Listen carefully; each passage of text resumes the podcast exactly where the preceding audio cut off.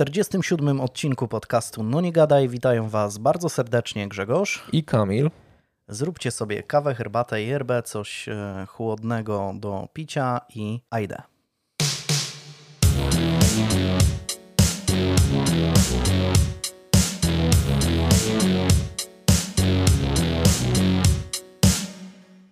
Tak, no, sportowe, sportowe emocje ostatnimi czasy. E, myślę, że mecz. E, Spodziewałem się, że tego zaczniesz. Mecz z Belgią e, powinien zostać w strefie zapomnieć, wydaje mi się, bo naprawdę szkoda szczępić ryja, ale przede wszystkim, jeśli chodzi o sportowe rzeczy, to E, na początku maja został pobity e, rekord skoczni w Deluxe Ski Jump 2. A, na skoczni w Australii. To był I skok... można być tego bezpośrednim świadkiem, tak? Że, znaczy zostało to nagrane, tak? tak to nie, jest, tak, to tak. nie jest tylko tak, że ktoś się przechwala. Tak, tak jak w szkole tak, się przechwalało, YouTube, że skoczyłeś tam na YouTube 250. można zobaczyć na skoczni w Australii odległość 301 metrów. To jest. Ponad, prawie 302, 301,8, więc no naprawdę coś niesamowitego. Wiesz co, I... czekałem na to chyba z 20 lat, żeby ktoś pobił ten rekord. I, tak. I mogłem to zobaczyć na własne 20, oczy. Dokładnie 20 lat ten rekord był aktualny. I w ogóle teraz jestem na oficjalnej tabeli rekordów i w ogóle są sami Polacy tutaj.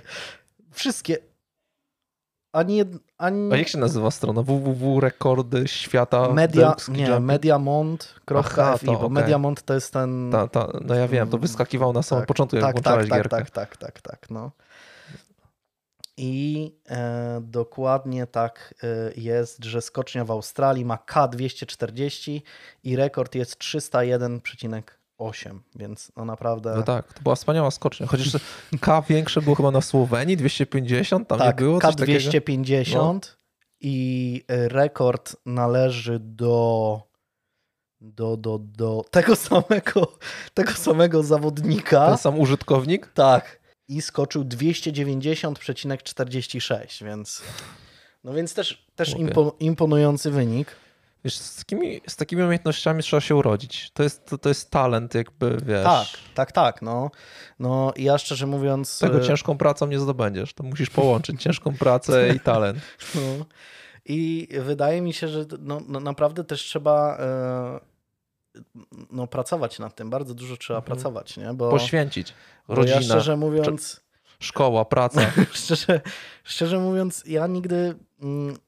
Jakimś e, wybitnym e, graczem nie byłem w, w tę grę, mimo że dość sporo czasu spędziłem e, na Deluxe Na lekcjach informatyki. Na lekcjach informatyki między innymi, bo to była jedyna gra, która w miarę chodziła na tych komputerach. tak na tych tak zwanych y, komputerach monitor był z dupą tak zwaną. No. Monitor z dupą, czyli te, te takie kineskopowe I, i monitorki. I mimo, I mimo, że ta gra chodziła, ale chodziła w takim zwolnionym tempie. Tak, tak, tak. Ale wtedy było, trzeba wyczuć, w, którym, w której sekundzie, wiesz, się wybić.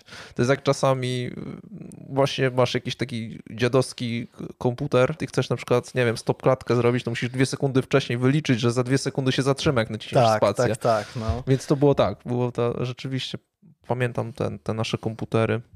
Więc ze sportowych. E, Bo to, to, to działało tak, to trochę to działa e, tak jak z boiskami szkolnymi, że jak wychodzisz ze szkoły, to budują nowe boisko szkolne. Tak, u nas tak było. Nie? U nas zawsze tak było i tak samo e, salę informatyczną robią. Jak wychodzisz dopiero ze szkoły, to wtedy, wtedy tworzą nową salę informatyczną i masz tam, wiesz, jakieś OP komputery. Tak, ja w ogóle czasami zaglądam na fanpage na Facebooku e, naszej podstawówki, to ona w ogóle się bardzo mocno zmieniła. Znaczy taka... No trochę czasu minęło, no nie oszukujmy taka, się. Taka zachodnia się zrobiła. Tak?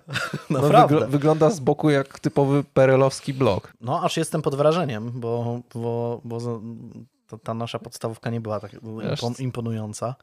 Nie pamiętam aż tak dobrze. No, no rzeczywiście, no, nie, nie był to, wiesz, szczyt jakiejś tam nowoczesności no, rzeczywiście. No, no nie, nie, nie bardzo. Na dodatek nie. jeszcze szkoła imienia Wojska Polskiego.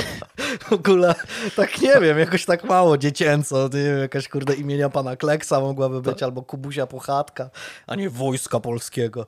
No tak jakoś W ogóle zauważyłem, bo tak się zastanawiałem, jeśli chodzi o sportowe rzeczy, i zauważyłem, że ani razu chyba przez cały czas, jak prowadzimy ten podcast i w prawie każdym rozmawiamy na, temat, na tematy sportowe, nie rozmawialiśmy o Idze Świątek. A Ale wiesz, teraz też nawet nie trzeba za bardzo o tym mówić, bo ona wszystko wygrywa, więc to jest takie e, nudne się zaczyna robić. Tak, i ja muszę powiedzieć, y, y, nie mówiłem tego, tego przedtem, ale naprawdę ym, mega wrażenie na mnie robi ta dziewczyna. Y, Nie tylko umiejętnościami sportowymi, ale też właśnie m, taką prezencją w ogóle. Świetnie mówi po angielsku, tak Mhm. się... mm, No, ona jest no przy tym naprawdę- luzacka też trochę. Tak, tak, tak. I naprawdę wielki, wielki szacunek dla Igi. Poza tym jest legionistką, więc y, to, to, Znaczy, ja, ja gdzieś słyszałem, że ostatni raz jak ona przegrała, to paliwo było za 4,20 na przykład. Więc to pokazuje, No.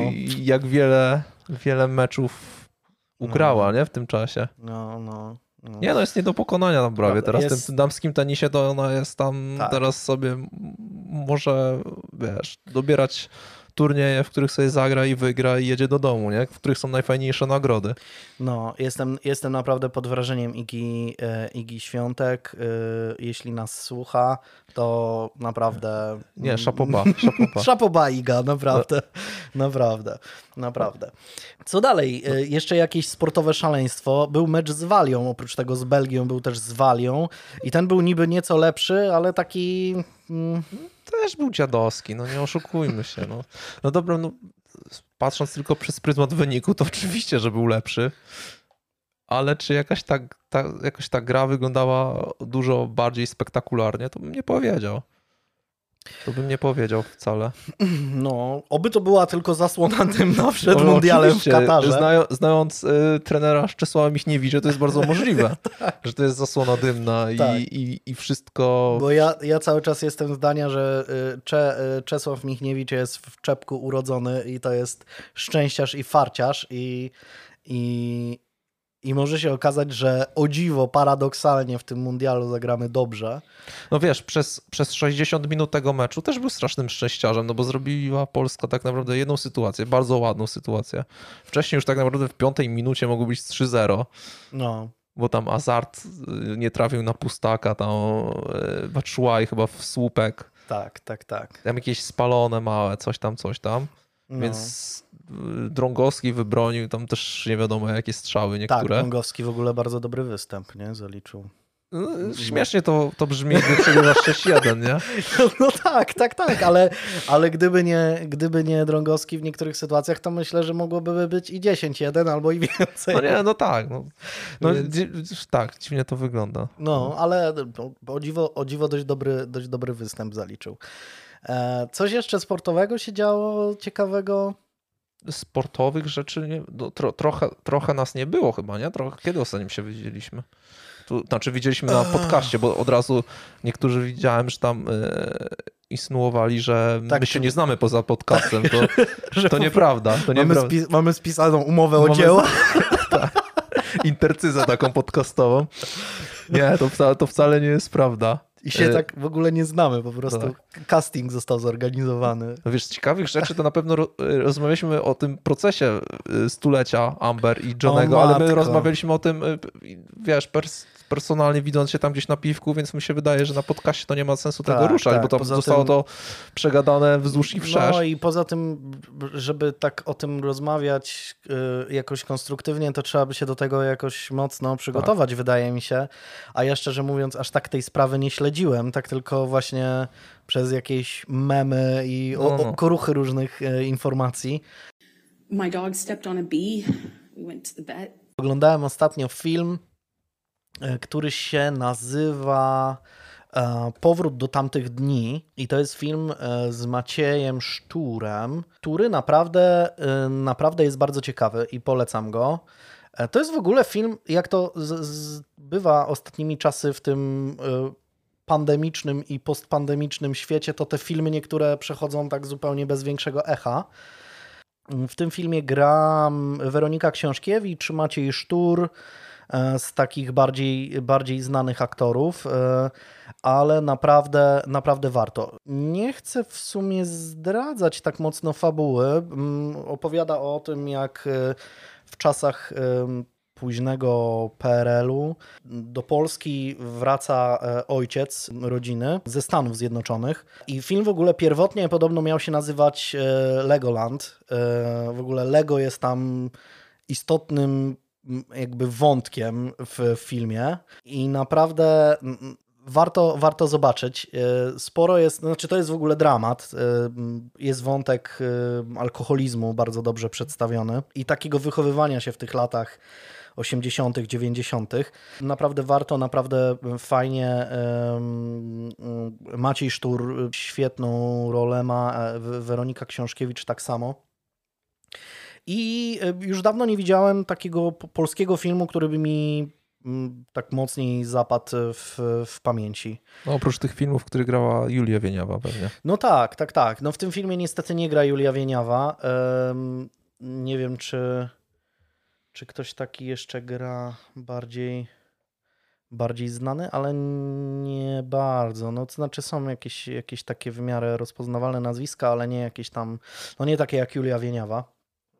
Więc, więc Julia Wieniawa niestety nie gra, ale film w ogóle jest z 22 września 2021 roku, więc no już nie jest jakąś nowością. No ale pojawił się w takim czasie, gdzie się nie chodziło raczej do kina, więc, więc no niestety tak, y, tak, taki czas y, miał premiery, ale naprawdę warto. Naprawdę fajny, fajny film. Też miałem powiedzieć o komiksie, który, który czytałem, bo pamiętam, że na koniec e, e, ostatniego odcinka mówiłem, że zaraz e, siadam do czytania komiksu i też w, pokrótce mówiłem o tym w rozmowie na kanale Hype Train, gdzie, gdzie rozmawialiśmy o popkulturze i true crime i tak dalej, więc jeśli ktoś by chciał posłuchać e, mojej rozmowy na kanale Hype Train, tam jest e, rozmówka e, ze mną. I opowiadałem pokrótce też o e, komiksie e, Wolność albo Śmierć Aleksandry Herzyk, i który naprawdę bardzo, bardzo polecam. W ogóle komiks jest osadzony mm, w czasach rewolucji francuskiej i zarówno dla ludzi, którzy mm, jarają się tematem rewolucji francuskiej, historią w ogóle i tak dalej, myślę, że znajdą bardzo dużo ciekawych easter eggów i takich em, ciekawostek, e, ale też ludzie, którzy nie znają tematu rewolucji francuskiej, bo też mam wrażenie, że w szkole się tak nie chyba nie zwracało za bardzo mm, jakiejś wielkiej e, uwagi na W szkole na w ogóle nie czas. zwraca się na ciekawe rzeczy w historii, tylko na, na, na daty tak naprawdę, że No. zapamiętujesz daty i tyle. No, no niestety tak. Ja w sumie najwięcej o rewolucji francuskiej dowiedziałem się z Assassin's Creed'a, który był w, w czasach e, rewolucji francuskiej. Ta część się nazywała Unity bodajże, Tak, z tego co no. pamiętam. Mm, I tam e, z tego, z tego można było się najwięcej, najwięcej dowiedzieć, no ale też trochę czytałem na temat rewolucji francuskiej, więc niektó- o niektórych rzeczach e, wiedziałem, ale naprawdę fajnie jest przedstawione ta, fajnie jest przedstawiona ta walka klas e, w tamtym, w tamtym czasie, te różne polityczne rozgrywki. które w ogóle mają znaleźć rozwinięcie też e, w dwóch albo nawet trzech następnych tomach całej historii i naprawdę polecam, bo, e, bo czyta się to e, bardzo dobrze i rysunkowo też jest świetne. No e, wiadomo, nie wszystkim jakaś tam stylistyka odpowiada, ale ja bardzo lubię te mm, rysunki Herzyk i naprawdę świetnie się to, świetnie się to czyta, świetnie się na to, na to patrzy. I fabularnie, i wizualnie jest to naprawdę dobre. Coś jeszcze? A, e, czekaj, czekaj, czekaj, to może ja chociaż krótko. Y, Książka obyczajowa, już trochę mało true crime, trochę mało true crime, ale bardzo polecam y, książkę obyczajową, trochę o nas, o milenialsach. Powszednia historia, Sebastian Nowak. Byłem wczoraj w Empiku, schodzi jak świeże bułeczki, więc polecam biec do Empiku, wziąć i poczytać. Zaczynasz czytać i nie wiadomo kiedy skończyłeś, tak się przyjemnie przyjemnie to czyta i można mieć wiele refleksji, więc, y, więc polecam jak najbardziej y, ze swojej strony. Sebastian Nowak. Sebastian Nowak, tak. Na w Empiku znajdziesz na spokojnie. Dobra, dobra. Wśród książek obyczajowych najprawdopodobniej to się znajdzie. Ale co, i to jest o, mini, o milenialsach? Trochę też, trochę też. Musisz tak naprawdę wziąć ją do ręki i przeczytać tak naprawdę. Jest, humor jest rzeczywiście zacny, jest tam sporo takich fajnych odniesień, metafor do niektórych rzeczy, też związanych właśnie z milenialskim życiem, więc y, no mówię, każdy znajdzie coś dla siebie, a szczególnie, szczególnie osoby gdzieś tam w okolicach naszego wieku. To tym bardziej. Y, To sprawdzę, sprawdzę i może ten, mo- może, może nadrobię i... Nie jest to długa książka, więc można tam w międzyczasie, gdy tam przeglądasz te swoje, wiesz, te swoje wszystkie true crime'owe, true crime'owe książki, które czytasz w piwnicy w totalnym zaciemnieniu. Sprawdzę, bardzo ładną okładkę ma. Przepiękna jest okładka, tak, przepiękna jest okładka. Taka minimalistyczna, ale ładna, podoba mi się. No dobra, Polecam, pole, jak, mówi, No to- jak mówił y, Wiesław Szywka, polecam dzieciom. no to, y, to ciekawą teraz polecajkę tutaj zaproponowałeś. E, bardzo ładna okładka. Warto zobaczyć okładkę, to tyle mogę powiedzieć, a, a czy książkę, to, to, To, najwyżej spra- następnym razem. i Ale ja, razem ja w tym międzyczasie widzę tą okładkę tego komiksu, o którym ty wspominałeś Tak. i też uważam, że jest bardzo ładna, więc... Tak, no jest ładna. No No, jest czyli, ładna. czyli robimy tak, na zasadzie ty polecasz okładkę y, poprzedniej historii, Tak. A ja polecam i- okładkę, i treść, a jeżeli chodzi o komiks, y, który się nazywa Wolność albo Śmierć, to ty polecasz i okładkę, i treść, a ja Tak. polecam okładkę. Tak, tak. Naprawdę, y, naprawdę warto, y, więc to są nasze polecajki na, na dziś. Pudzian jeszcze ostatnio walczył, ale o to Jezus chyba... Maria, piękny to był podwrótkowy, chłopie. No i Kurczę. Major Suchodolski walczył, niestety przegrał walkę, ale... Ale no, tam, tam sędzia chyba za szybko, za szybko. W ogóle to był bardzo doświadczony sędzia. Se, sędzia, sędzia naprawdę, y, naprawdę wysokiej klasy. w Nie, ogóle wypaczył, cała... ale on wypaczył wynik tak naprawdę. Wypaczył wynik, w ogóle- ogóle, s- słuchał podpowiedzi. Niepotrzebnie słuchał podpowiedzi z, spoza ringu. W ogóle, w ogóle cała gala była dość osobliwa, ale, ale no niestety Major Suchodolski... Ale e, był tam bardzo spektakularny no, knockdown jeden Tak, tak, tak. z tak. takim dwusekundowym lagiem. Warto zobaczyć, bo można całość z, chyba obejrzeć cały czas na. Znaczy na ja, ja się trochę darmo. przejechałem, bo miał- ta gala miała się odbyć 1 czerwca. Ja na nią czekałem, czekałem i ona się nie odbyła. Tak, tak, tak, bo coś były jakieś problemy techniczne. U, uwielbiam, uwielbiam ten moment, w którym jest ten chyba wywiad i ktoś dzwoni, czy, czy zawodnicy byli badani alkomatem i ten Mhm. gościu mówi, no tak, wszyscy byli ba badani alkomatem, a major, nie, ja tylko rano piwko wypiję, bo nie mam nic do picia. Oj, Piękne. tak, złoto. Więc jeśli ktoś chce em, sportowej, e, sportowej rozrywki, sportowego szaleństwa, to To tam, tam go nie znajdzie, ale rozrywkę znajdzie na pewno. tak, dobra, to w takim razie przechodzimy do meritum.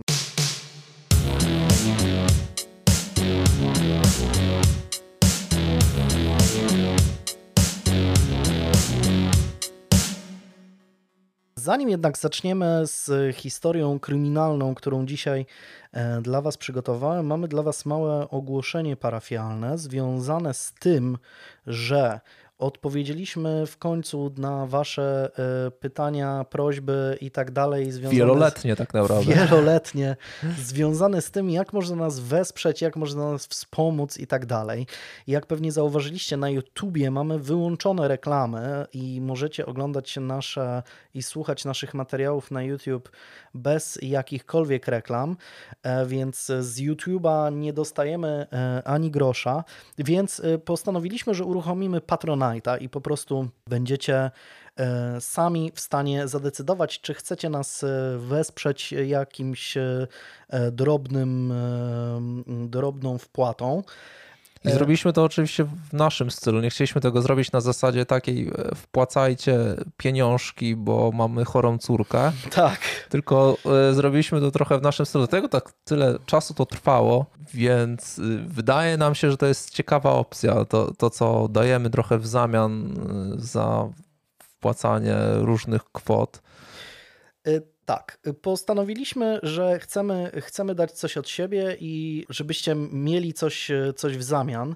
Może nawet nie będziemy mówić dokładnie, y, co to jest. Wejdźcie sobie y, na Patronite'a, do którego umieścimy link pod naszym materiałem i tam będziecie mogli zobaczyć, co możecie dostać za konkretne, e, konkretne progi wsparcia.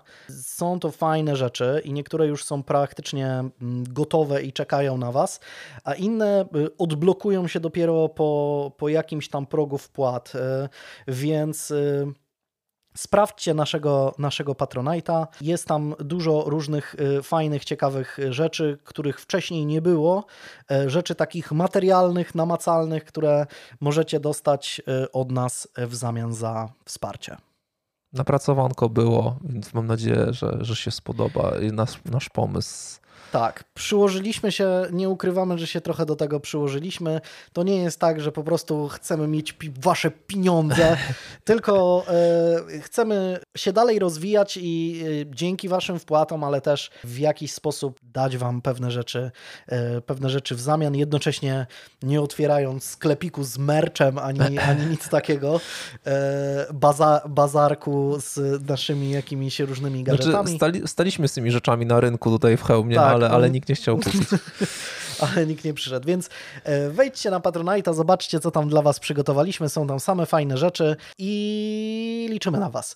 Więc e, dobra, no to w takim razie teraz już naprawdę, naprawdę możemy przejść do historii kryminalnych.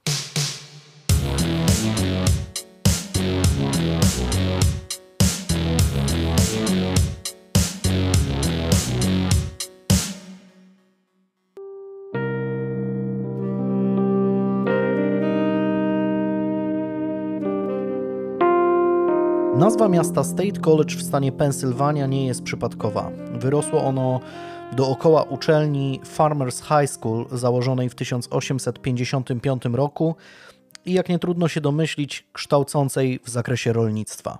Na początku założyciele szkoły umyślnie nie używają w nazwie słowa college czy university, ze względu na fakt, że miejscowi są uprzedzeni do wykształciuchów z wielkich uniwersytetów i swoje dzieci chętniej wysyłają do czegoś, co ma w nazwie proste swojskie high school, a nie właśnie college czy university. Szkoła jednak rozwija się na tyle dynamicznie, że już w 1874 roku zostaje przemianowana na Pennsylvania State College i zaczyna ewoluować w stronę takiej klasycznej uczelni. Uniwersytetem staje się dopiero w 1953 roku, gdy jej dyrektorem jest młodszy brat ówczesnego prezydenta USA Milton Eisenhower. Wtedy też rozrasta się budynek biblioteki, do którego zostaje dobudowanych kilka kondygnacji. Do dzisiaj mieszkańcy Pensylwanii żartują, że Penn State, bo tak w skrócie mówi się na uczelni, jest równo niedostępna dla wszystkich, bo położona w samym centrum stanu i z każdego większego miasta trzeba przebyć do niej równie długą drogę. Z mieszczących się w czterech rogach Pensylwanii Filadelfii, Pittsburgha, Erie i Scranton za każdym razem jest to ponad 200 km w jedną stronę. Rok 1969, w którym rozgrywa się moja dzisiejsza historia, jest dość specyficzny dla Stanów Zjednoczonych. 20 stycznia zostaje zaprzysiężony 37 prezydent USA, republikanin Richard Nixon. Gdy wprowadza się do Białego Domu, w toczącej się wojnie w Wietnamie zginęło już 30 tysięcy amerykańskich żołnierzy, a każdego tygodnia ginie kolejnych 300. Liczba ofiar po obu stronach tego bezsensownego konfliktu ma odzwierciedlenie w nastrojach społecznych. Praktycznie na każdym uniwersytecie powstaje organizacja zrzeszająca studentów sprzeciwiających się wojnie, poborowi oraz produkcji śmiercionośnego napalmu używanego przez Amerykanów. Nie inaczej jest na Penn State, gdzie studenci aktywnie pikietują i wyrażają swój bunt. Jeszcze inną kwestią elektryzującą społeczność uczelnianą jest rasizm. Pomimo tego, że Uniwersytet Stanowy Pensylwanii jest teoretycznie uczelnią położoną na liberalnej północy kraju, to studiują na niej przede wszystkim biali studenci, jest ich prawie 26 tysięcy. Studentów czarnych jest mniej niż 300, co stanowi tylko lekko ponad 1% całej zbiorowości. Oprócz oczywistej ilościowej dyskryminacji, czarnoskórzy studenci spotykają się też z rasizmem w postaci nieobsługiwania w konkretnych lokalach usługowych albo e, preferencji rasowych w ogłoszeniach oferujących wynajem mieszkań. To również wywołuje niepokoje na uczelni, kolejne manifestacje i fale niezadowolenia. Jednak nie jest to koniec problemów Uniwersytetu Penn State. Druga połowa lat 60. to też prawdziwa nawałnica dziwnych, tajemniczych, seryjnych morderstw, która przetacza się przez USA. Rozpruwacz z Ypsilanti, Richard Speck, rodzina Mansona czy Zodiac Killer. Na uniwersytecie również dochodzi do coraz częstszych sytuacji, gdzie bezpieczeństwo studentów jest zagrożone. Z tego też powodu zostaje powołana nieuzbrojona organizacja parapolicyjna o nazwie Campus Patrol, która ma na celu poprawienie tej sytuacji. Rodzaj zagrożeń jest bardzo różny. Uniwersytecka biblioteka jest regularnie ewakuowana z powodu alarmów bombowych, które okazują się za każdym razem fałszywe, ale też w wyniku kilku zupełnie prawdziwych podpaleń. Na szczęście we wszystkich przypadkach zostały one szybko ugaszone i nie zakończyły się obróceniem gmachu z całym księgozbiorem w kupę popiołu. Uczelnia jednak zmaga się z jeszcze jednym problemem. W 1969 roku na parterze biblioteki znajduje się ogromny katalog, dzięki którym studenci mogą dowiedzieć się, gdzie znajduje się poszukiwana przez nich książka, po czym udać w konkretne miejsce. Petty Library, bo tak nazywa się biblioteka, ma całkowicie otwarty księgozbiór. Oznacza to, że osoba chcąca skorzystać z książki nie musi prosić o nią bibliotekarza, tylko bierze ją sobie samodzielnie. Zbiory uniwersytetu nie należą do małych, bo w 1969 roku Petty Library mieści prawie 1,5 miliona książek. By je wszystkie pomieścić, budynek ma aż 8 kondygnacji, 5 powyżej głównej sali na parterze oraz dwie poniżej. Podziemna część biblioteki nazywa się The Stacks, czyli po prostu regały i faktycznie praktycznie tylko do półek się ogranicza. Do piwnic Petty Library prowadzą wysokie schody pasujące wyglądem bardziej do okrętu podwodnego niż do ogromnego gmachu. Gdy już je pokonamy, możemy zobaczyć słabo oświetlone, ciągnące się w nieskończoność labirynty wysokich regałów z książkami sięgającymi aż pod nisko zawieszony sufit. Stoją one tak blisko siebie, że w alejkach pomiędzy nimi ciężko nawet się z kimkolwiek minąć. Wynika to przede wszystkim z faktu, że ta część biblioteki pierwotnie nie miała być dostępna dla studentów, a stanowić magazyn książek, do którego mieliby wstęp tylko pracownicy. W Distax nie ma żadnego personelu, żadnych kamer, nawet nikt regularnie tam nie sprząta. Od niekończące się półki z książkami, kilka kserokopiarek i niewielkie jednoosobowe biurka dla studentów chcących pouczyć się w ciszy. Nawet gdy popatrzymy na współczesne zdjęcia tego miejsca, raczej nie uznamy go za miłe i przytulne, a należy pamiętać, że w latach 60. wyglądało ono jeszcze bardziej mrocznie. Jakiś omnibus wpadł zresztą na pomysł, żeby światło w każdej alejce włączać osobnym włącznikiem, co powodowało, że czasami było tam całkowicie ciemno, jak w tej przysłowiowej dupie egipskiej. Podziemia dzielą się na tak zwane the core, czyli rdzeń, pomieszczenie centralne, tą starą część sprzed rozbudowy oraz wielokrotnie większą część dobudowaną w latach 50. No, będzie to istotne dla, dla historii, dlatego zwracam tutaj uwagę na te architektoniczne niuanse, ale to będzie dość istotne. Dwie podziemne kondygnacje biblioteki stały się ulubionym miejscem schadzek ludzi z okolicy. Warto pamiętać, że w 1969 roku w USA seks osobom tej samej płci jest nielegalny i jeszcze przez ponad 30 lat taki pozostanie. Co ciekawe, Sąd Najwyższy uzna to prawo za niekonstytucyjne dopiero w roku 2003. Sytuacja więc wygląda tak, że homoseksualiści z okolicy zjeżdżając się do Penn State i korzystają z biblioteki jako w miarę ustronnego miejsca miłosnych uniesień. Jako, że gmach jest otwarty dla wszystkich i można się po nim swobodnie poruszać, pozwala to też na zachowanie względnej anonimowości.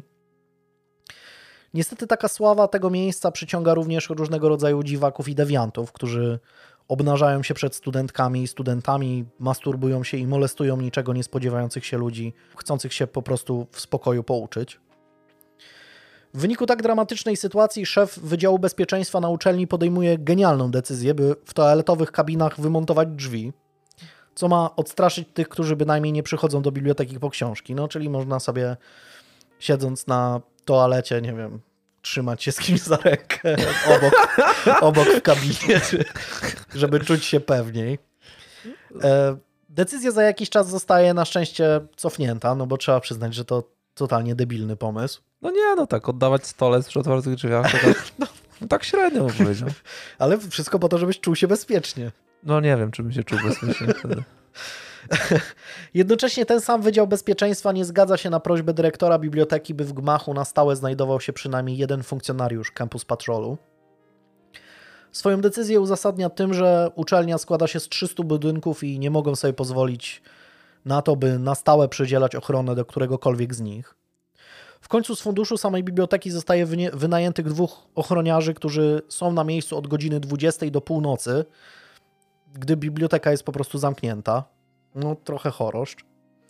Tylko w ostatnim tygodniu listopada 1969 roku dochodzi do aż trzech sytuacji, w których studentki zgłaszają ekshibicjonistów grasujących między półkami z książkami. We wszystkich trzech przypadkach sprawcy nie zostają zidentyfikowani ani schwytani. Jest piątek 28 listopada 1969 roku. Na świat przychodzi Valery Nikitin, słynny estoński zapaśnik, ale to nie on będzie bohaterem dzisiejszej historii.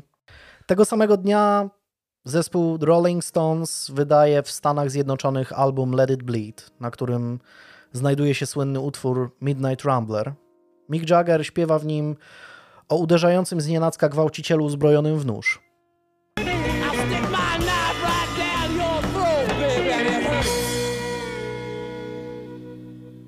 W kawałku Let It Bleed dla odmiany pojawia się motyw zasztyletowania w piwnicy.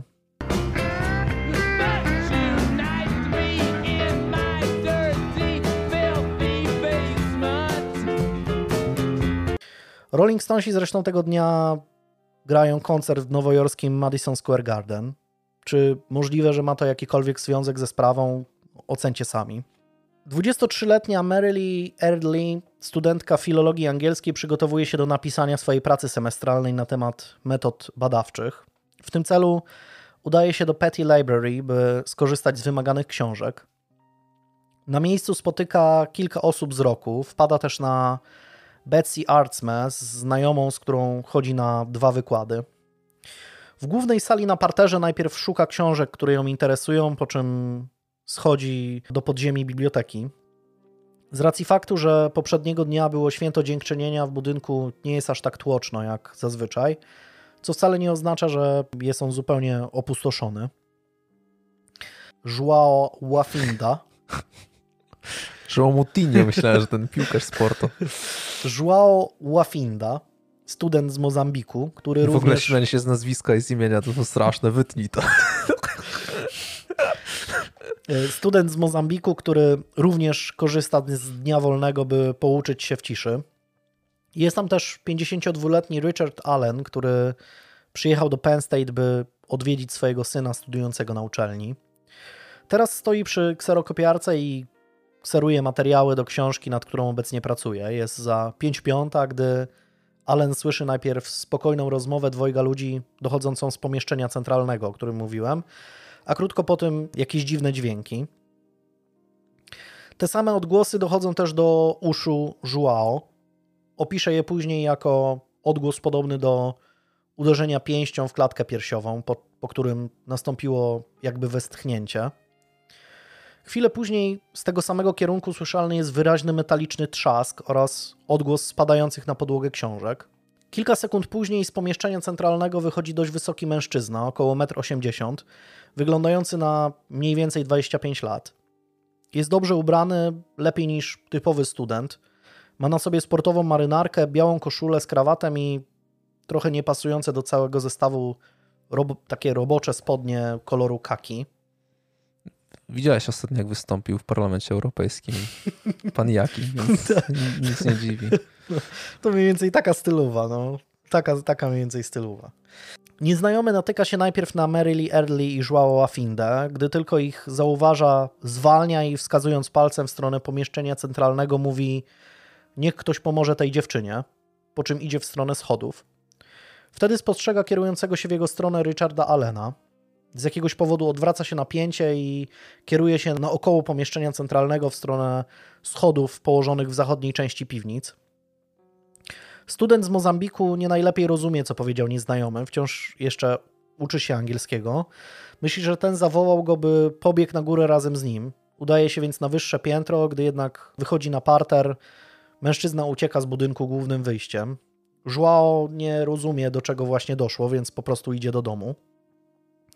Podobnie robi Allen, uznaje, że to jakiś głupi żart. W piwnicach biblioteki zostaje Marylee Early, która wchodzi do pomieszczenia centralnego. Zagląda w słabo oświetlone alejki, w końcu dochodzi do regałów 50 i 51. Zauważa tam leżącą na podłodze młodą dziewczynę w czerwonej sukience. Rozpoznaje ją. To jej koleżanka Betsy Artsma, z którą niedawno mijała się w budynku. Podbiega do niej. Dziewczyna ma zamknięte oczy, jest zupełnie nieruchoma. Pospadały na nią książki z jednej z półek. Leży w niewielkiej, bezbarwnej kałuży. Ciecz później zostanie zidentyfikowana jako mocz. Merly jest przekonana, że jej koleżanka po prostu zemdlała lub miała jakiś atak. Nie widać zresztą żadnej krwi. Dziewczyna wpada w panikę, zaczyna działać wbrew logice. Poprawia włosy oraz sukienkę Betsy, bierze z podłogi kilka książek, które ustawia z powrotem na półce. Hałasy były słyszalne też na górze, więc pomoc pojawia się nieomal natychmiast, mimo że Merly będzie później uparcie twierdziła, że trwało to aż 15 minut.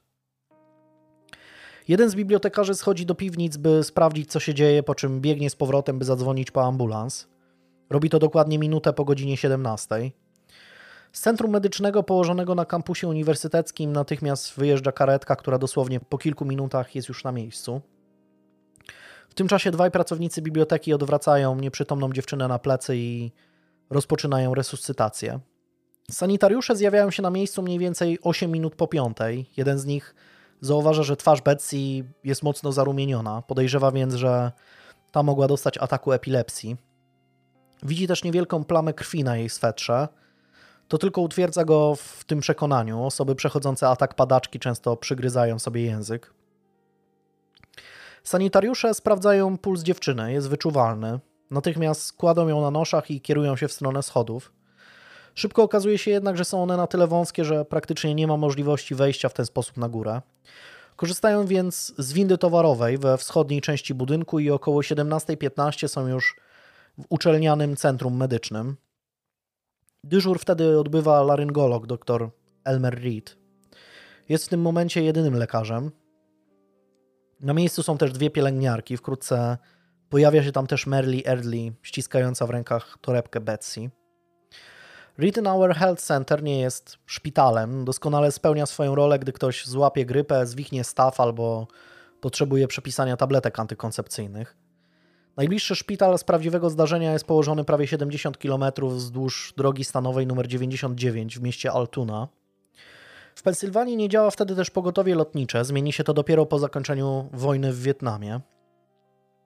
Po prostu e, podobno było tak, że nie mieli za bardzo co zrobić z tymi wszystkimi helikopterami, które zwieźli z Wietnamu i one były wtedy dopiero wykorzystywane już jako, um, jako pogotowie lotnicze. Dla Betsy nie ma to jednak większego znaczenia. O 17.20 dr Reed stwierdza zgon dziewczyny. Gdy lekarz wychodzi na korytarz, natyka się na Merli grzebiącą w torebce zmarłej dziewczyny. Zadaje jej pytanie, dlaczego to robi. Ta patrzy na niego jak zahipnotyzowana i odpowiada, że nie wie, po czym posłusznie oddaje torebkę Reedowi. Doktor sprawdza jej zawartość. Znajduje się w niej prawo jazdy wystawione na dane Betsy Ruth Ertzma, zamieszkałą pod adresem East 37th Street w mieście Holland w stanie Michigan. Powiadomiony o zgonie pacjentki, dyrektor uczelnianego centrum medycznego decyduje się skontaktować z Gordonem van Ostenburgiem, pastorem kościoła reformowanego w Holland, do którego należy rodzina Betsy. Ten zgadza się wziąć na siebie przykry obowiązek poinformowania jej rodziców o tym, że ich córka nie żyje. Betsy Artsma przychodzi na świat 11 listopada 1947 roku w mieście Holland w stanie Michigan. Jej ojciec Richard pracuje najpierw jako księgowy, a później zostaje zatrudniony jako kontroler skarbowy. Jej mama Esther w tym czasie zajmuje się domem i wychowaniem czwórki dzieci. Rodzice Betsy są bardzo religijni, konserwatywni. Regularnie chodzą na nabożeństwa do miejscowego kościoła reformowanego. Jej siostra Carol, gdy będzie dorosła, zostanie zresztą duchowną. Nazwa miasta Holland nieprzypadkowo od razu kojarzy się z Holandią. Tereny te w połowie XIX wieku zostały zaludnione przez holenderskich osadników należących do kalwińskiego kościoła reformowanego. Krótko po założeniu osady przybysze z Holandii zresztą pokłócili się między sobą ze względu na fakt, że mieli różne podejście do religii. Finalnie społeczność podzieliła się w 1857 roku między dwa kościoły. Bardziej liberalny kościół reformowany oraz ultraortodoksyjny chrześcijański kościół reformowany. Co ciekawe, jednym z tematów, który poróżnił osadników, była kwestia instalowania na budynkach piorunochronów. Ortodoksyjna część mieszkańców uznawała to za brak wiary w Boże miłosierdzie. Trzeba przyznać, że trochę choroszcz. No, 5G teraz jest takie różne podobne kwestie. Historia ludzka zatacza koło.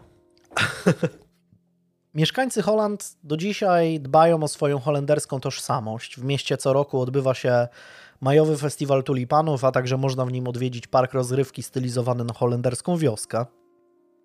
Jedną z atrakcji turystycznych jest ponadto XVIII-wieczny holenderski wiatrak o nazwie De Zwan, czyli po niderlandzku łabędź.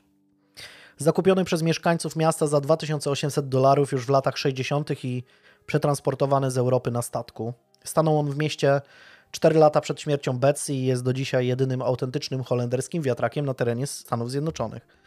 Taka ciekawostka, wiesz, jakbyś miał pytanie za milion w milionerach. Być może. W Znaczy, jakim, raczej, w jakim mieście siedzi Hubert Urbański i ci zadaje pytanie, w jakim mieście znajduje się jedyny holenderski prawdziwy wiatrak? A ty po prostu jak z rękawa sypiesz. tak. Ale to raczej to też nie jest kwestia taka, że wydam 3000 teraz na bilet lotniczy, żeby go zobaczyć.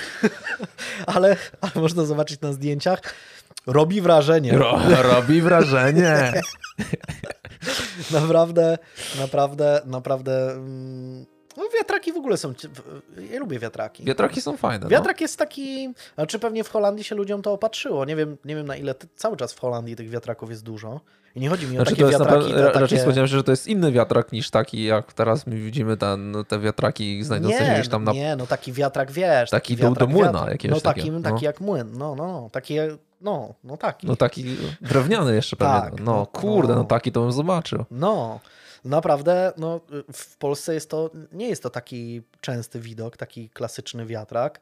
Ja widziałem taki wiatrak, y, jest bodajże w Muzeum Kaszub. O. E, Znaczy w Polsce to częściej zobaczysz ten wykrzywiony domek na przykład, takie rzeczy zobaczysz. Taki domek na odwrót, tak, te, te, te rzeczy. Ale to No. w nadmorskich miejscowościach I, często. i, I wiatrak, wiatrak to jest ciekawa rzecz, no, y, taka fajna do, do, do zwiedzania, więc y, nie dziwię się, że chcieli sobie w swój własny wiatrak sprowadzić. Ja też, szczególnie za ile tam 2800... 2800 dolarów, no ale w latach 60. to było dość sporo siana, nie? No ale kurczę, Ale taki nie jak, wiatrak? jak Słuchaj, za wiatrak. Co prawda, kasę. co prawda, bo czytałem cały artykuł na ten temat, podobno był dość mocno zniszczony. Jakby w ogóle y, kupili ten wiatrak już w czasie, gdy y, Holandia nie sprzedawała w ogóle wiatraków. Y, Podobno był zapis w prawie, że tych zabytkowych wiatraków nie można sprzedać, ale on był podobno tak rozwalony, że, Że- powiedzieli, dobra, weźcie A, to, panie. dajcie tam te 2800 dolców i I spadać na ten, drzewo. ten złom. No ale y, wzięli ten wiatrak, odrestaurowali go i stoi do dzisiaj i robi wrażenie. No, robi wrażenie. Ciekawy jestem, co ludzie o nas myślą, że w, w połowie podcastu kryminalnego rozmawiamy o, o historii wiatraków holenderskich. Y, Mamy na pewno jakiś, y, jakiś słuchaczy, Specjalistów od... słuchaczy z y, Holandii, więc niech nam powiedzą, czy jest dużo wiatraków cały czas w Holandii. Bo tak się mówi, nie? Tak, tak, tak. Kraj tulip- tam te, te tulipany, wiatraki, no. Ale ciekawe, czy to tak wiesz. To tak jak Ciekawe, się czy w mówi, ogóle na przykład już te, że- czy ten zakaz został zniesiony, czy cały czas nie można kupować holenderskich wiatraków. No, ciekawe. I ciekawe, no właśnie, no, e, powiedzcie, jak to jest z Jak tymi to jest z tymi wiatrakami? wiatrakami? Wiatrakami, bo No ciekawy raczej ich nie, nie znajdziemy, więc, Taki ciekawy więc wątek, trzeba, trzeba trochę głębiej poszukać. E, I do dzisiaj w Holand zresztą jest tak, że jedna czwarta mieszkańców identyfikuje się jako osoby pochodzenia holenderskiego i widać to zresztą po charakterystycznych nazwiskach, między innymi Artsma jest takim nazwiskiem, tak samo pastor van Ostenburg też jest to nazwisko holenderskie. I zresztą jak sobie czytałem o tym Holand i patrzyłem na przykład na nazwiska burmistrzów, czy jakichś tam ludzi związanych z Holand, między innymi sportowców, którzy tam pochodzili. No jak sobie wpiszesz w Wikipedię, to tam zawsze widzisz, nie? Kto tam pochodzi z danego miasta. To, no to dużo jest właśnie nazwisk takich przynajmniej wyglądających na holenderskie. Dawne religijne podwaliny miasta widoczne są do dzisiaj, bo nosi ono miano miasta kościołów. Jest ich faktycznie niemało, bo aż 170. Biorąc pod uwagę, że w obrębie Holand mieszka około 110 tysięcy ludzi, to daje kosmiczny wynik jeden kościół na 650 mieszkańców. I tak porównuję to z tym, z tym naszym hełmem pięknym, bo też, Też się mówi, że w hełmie jest no. dużo kościołów. I Chełmno liczy sobie powiedzmy niecałe 20 tysięcy. I jest w Chełmie, doliczyłem się, nie wiem czy dobrze liczę, ale jest 8 kościołów katolickich, dwa zbory protestanckie i jedna sala Królestwa e, Świadków Jehowy. I to i tak daje wynik y, jeden kościół na 1800 mieszkańców, więc no wciąż Holand jest, jest lepsze, nie? A, a wydawać by się mogło, że w Chełmie jest bardzo dużo i to nie wszystkie są czynne, tak wiesz, normalnie, nie? Te kościoły, więc, więc no... Robi wrażenie. Robi wrażenie. Już y, w liceum Betsy dość mocno się wyróżnia. Są to czasy, gdy indywidualizm i oryginalność, zwłaszcza wśród dziewcząt, nie jest zbyt dobrze widziana. Nastolatka przełamuje te schematy, jest pewna siebie, mm, ambitna i wyznaje feministyczne wartości, mimo że wtedy jeszcze słowo feminizm praktycznie nie funkcjonuje w świadomości mieszkańca USA. Mówimy tu, mówimy tu zresztą o tak zwanej drugiej fali feminizmu. Należy pamiętać, że w latach 60. kobiety nie mogą mieć własnej karty kredytowej, uczyć się na prestiżowych uczelniach, nie mogą służyć w wojsku czy policji, a nawet sama chęć podjęcia pracy przez kobietę jest uważana za dziwną fanaberię. No ale dziewczyna wychowana w konserwatywnym domu i konserwatywnej społeczności nie zgadza się na zastany porządek i buntuje się przeciwko niemu, czemu zresztą daje wyraźny sygnał i nawet dziesiątki lat później jej znajomi ze szkoły będą pamiętać, jakim szokiem było, gdy Betsy e, przyszła właśnie do szkoły w pofarbowanych na zielono włosach, bo po prostu akurat miała na to ochotę. E, Po zakończeniu liceum jest rozdarta między swoim zamiłowaniem do języka angielskiego i sztuki, a chęcią zostania lekarką. Ma dość spore możliwości wyboru ze względu na fakt, że kończy szkołę średnią, otrzymując niemałe stypendium e, stanowe. No i te plany wstępne, przynajmniej zostania lekarką, też są uważane za, za takie dziwaczne jak na kobietę, bo mm, w, w ogóle w tamtych czasach chęć robienia jakiejkolwiek kariery przez kobietę była postrzegana jako coś nie bardzo normalnego. Na początku planuje wraz z koleżanką pójść na Uniwersytet Stanu Michigan. Byłoby to jednak zerwanie z rodzinną tradycją. Zarówno jej matka, jak i ojciec, starsza siostra, nawet ciotki i wujkowie uczęszczali do Hope College w rodzinnym Holland. Betsy dość długo próbuje negocjować z rodzicami, ale w końcu ulega presji i właśnie tam rozpoczyna kurs przygotowujący ją do studiów medycznych. Ma trochę ponad 1,70 m wzrostu, szczupłą sylwetkę i długie brązowo-rude włosy. Bynajmniej nie, nie narzeka na brak zainteresowania. Podczas swojej nauki na lokalnej uczelni spotyka się z kilkoma chłopakami, ale romanse nie prowadzą do żadnych poważnych związków. Betsy raczej skupia się na nauce. Latem 1966 roku Betsy udziela się charytatywnie, m.in. działając na rzecz rezerwatu Apachów Mescalero, plemienia rdzennych Amerykanów w stanie Nowy Meksyk. Przez pewien czas prowadzi też zajęcia plastyczne dla dzieci z biednych czarnych dzielnic miasta Grand Rapids, odległego jakieś 50 km od Holland. Nie kończy jednak nauki w Hope College. Jeszcze na pierwszym roku studiów zauważa, że zajęcia niezwiązane z jej kursem przedmedycznym sprawiają jej najwięcej radości. I jesienią 1967 roku decyduje się przenieść na Uniwersytet Stanu Michigan w mieście Ann Arbor. Ten rok przechodzi do historii ze względu na fakt, że uroczystość inauguracji nowego semestru zostaje uświetniona występem zespołu The Doors z kompletnie pijanym Jimem Mor- Morrisonem na czele. Większość studentów jest raczej rozczarowana niezbyt składnym koncertem. Wśród nich jednak znajduje się 20-letni James Osterberg, który zainspiruje się niepowtarzalną charyzmą Morrisona i za jakiś czas rozpocznie karierę jako słynny Iggy Pop. Ale nie o tym. Podczas studiów na Uniwersytecie Michigan Betsy zaczyna się interesować polityką. Wydarzeniem przełomowym w tej kwestii jest śmierć jej kolegi z liceum w Wietnamie. Ma to miejsce w lutym 1968 roku.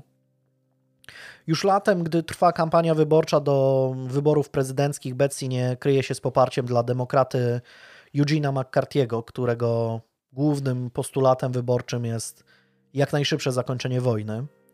Mniej więcej wtedy poznaje też swojego chłopaka, Davida Wrighta, który odbywa na uniwersytecie kurs przygotowawczy do studiów medycznych. Betsy nie planuje przenosić się po raz kolejny, przynajmniej do czasu. Wszystko dlatego, że w okolicach Uniwersytetu Michigan zaczyna dochodzić do tajemniczych morderstw. 7 sierpnia 1967 roku na polu odległym o 15 km od uczelni zostają znalezione zwłoki w zaawansowanym stanie rozkładu. Zmasakrowane ciało należy do 19-letniej Mary Flezer. Po sekcji okazuje się, że drobna brunetka zmarła w wyniku około 30 dźgnięć ostrym narzędziem w klatkę piersiową i brzuch. Ze względu na stan zwłok nie udaje się ustalić, czy została zgwałcona. Morderca kolejny raz uderza dopiero rok później. Tym razem ofiarą jest 20-letnia Joan Shell, mająca 1,52 m wzrostu i ważąca zaledwie 40 kg. Jej ciało zostaje znalezione 5 lipca 1968 roku. Została zgwałcona oraz dźgnięta 25-krotnie przy użyciu ostrego narzędzia. Sprawca zawiązał jej ponadto spódniczkę wokół szyi. Oba morderstwa dzieli dość spory odstęp czasowy i póki co nie wywołuje to większej paniki wokół u lokalnej społeczności. Jako, że obie zbrodnie mają miejsce podczas wakacji, studenci tym bardziej nieznacznie interesują się wydarzeniami. Do kolejnego morderstwa dochodzi w marcu 1969 roku podczas ostatniego semestru studiów Betsy. Ciało 23-letniej Jane Mixer zostaje znalezione na terenie cmentarza. Kobieta zmarła w wyniku dwukrotnego postrzału w głowę. Przebieg zbrodni jednak dość mocno różni się od dwóch poprzednich. Ofiara nie została zgwałcona, sprawca nie użył noża ani nie okaleczył ciała. Prawie 40 lat później, w wyniku przeprowadzonych badań DNA, okaże się, że mordercą Jane Mixer nie był sprawca dwóch poprzednich morderstw, jednak wtedy, pod koniec lat 60., policja jest przekonana, że wszystkie trzy kobiety padły ofiarami tego samego sprawcy. Cztery dni po odkryciu ciała Jane w lesie niedaleko miejsca, w którym odkryto zwłoki Joan Shell, zostaje znaleziona kolejna ofiara zabójcy. Tym razem jest to 16-letnia Marilyn Skelton, doskonale zresztą wpisująca się w profil trzech poprzednich zamordowanych dziewcząt. Również jest brunetką o drobnej budowie ciała.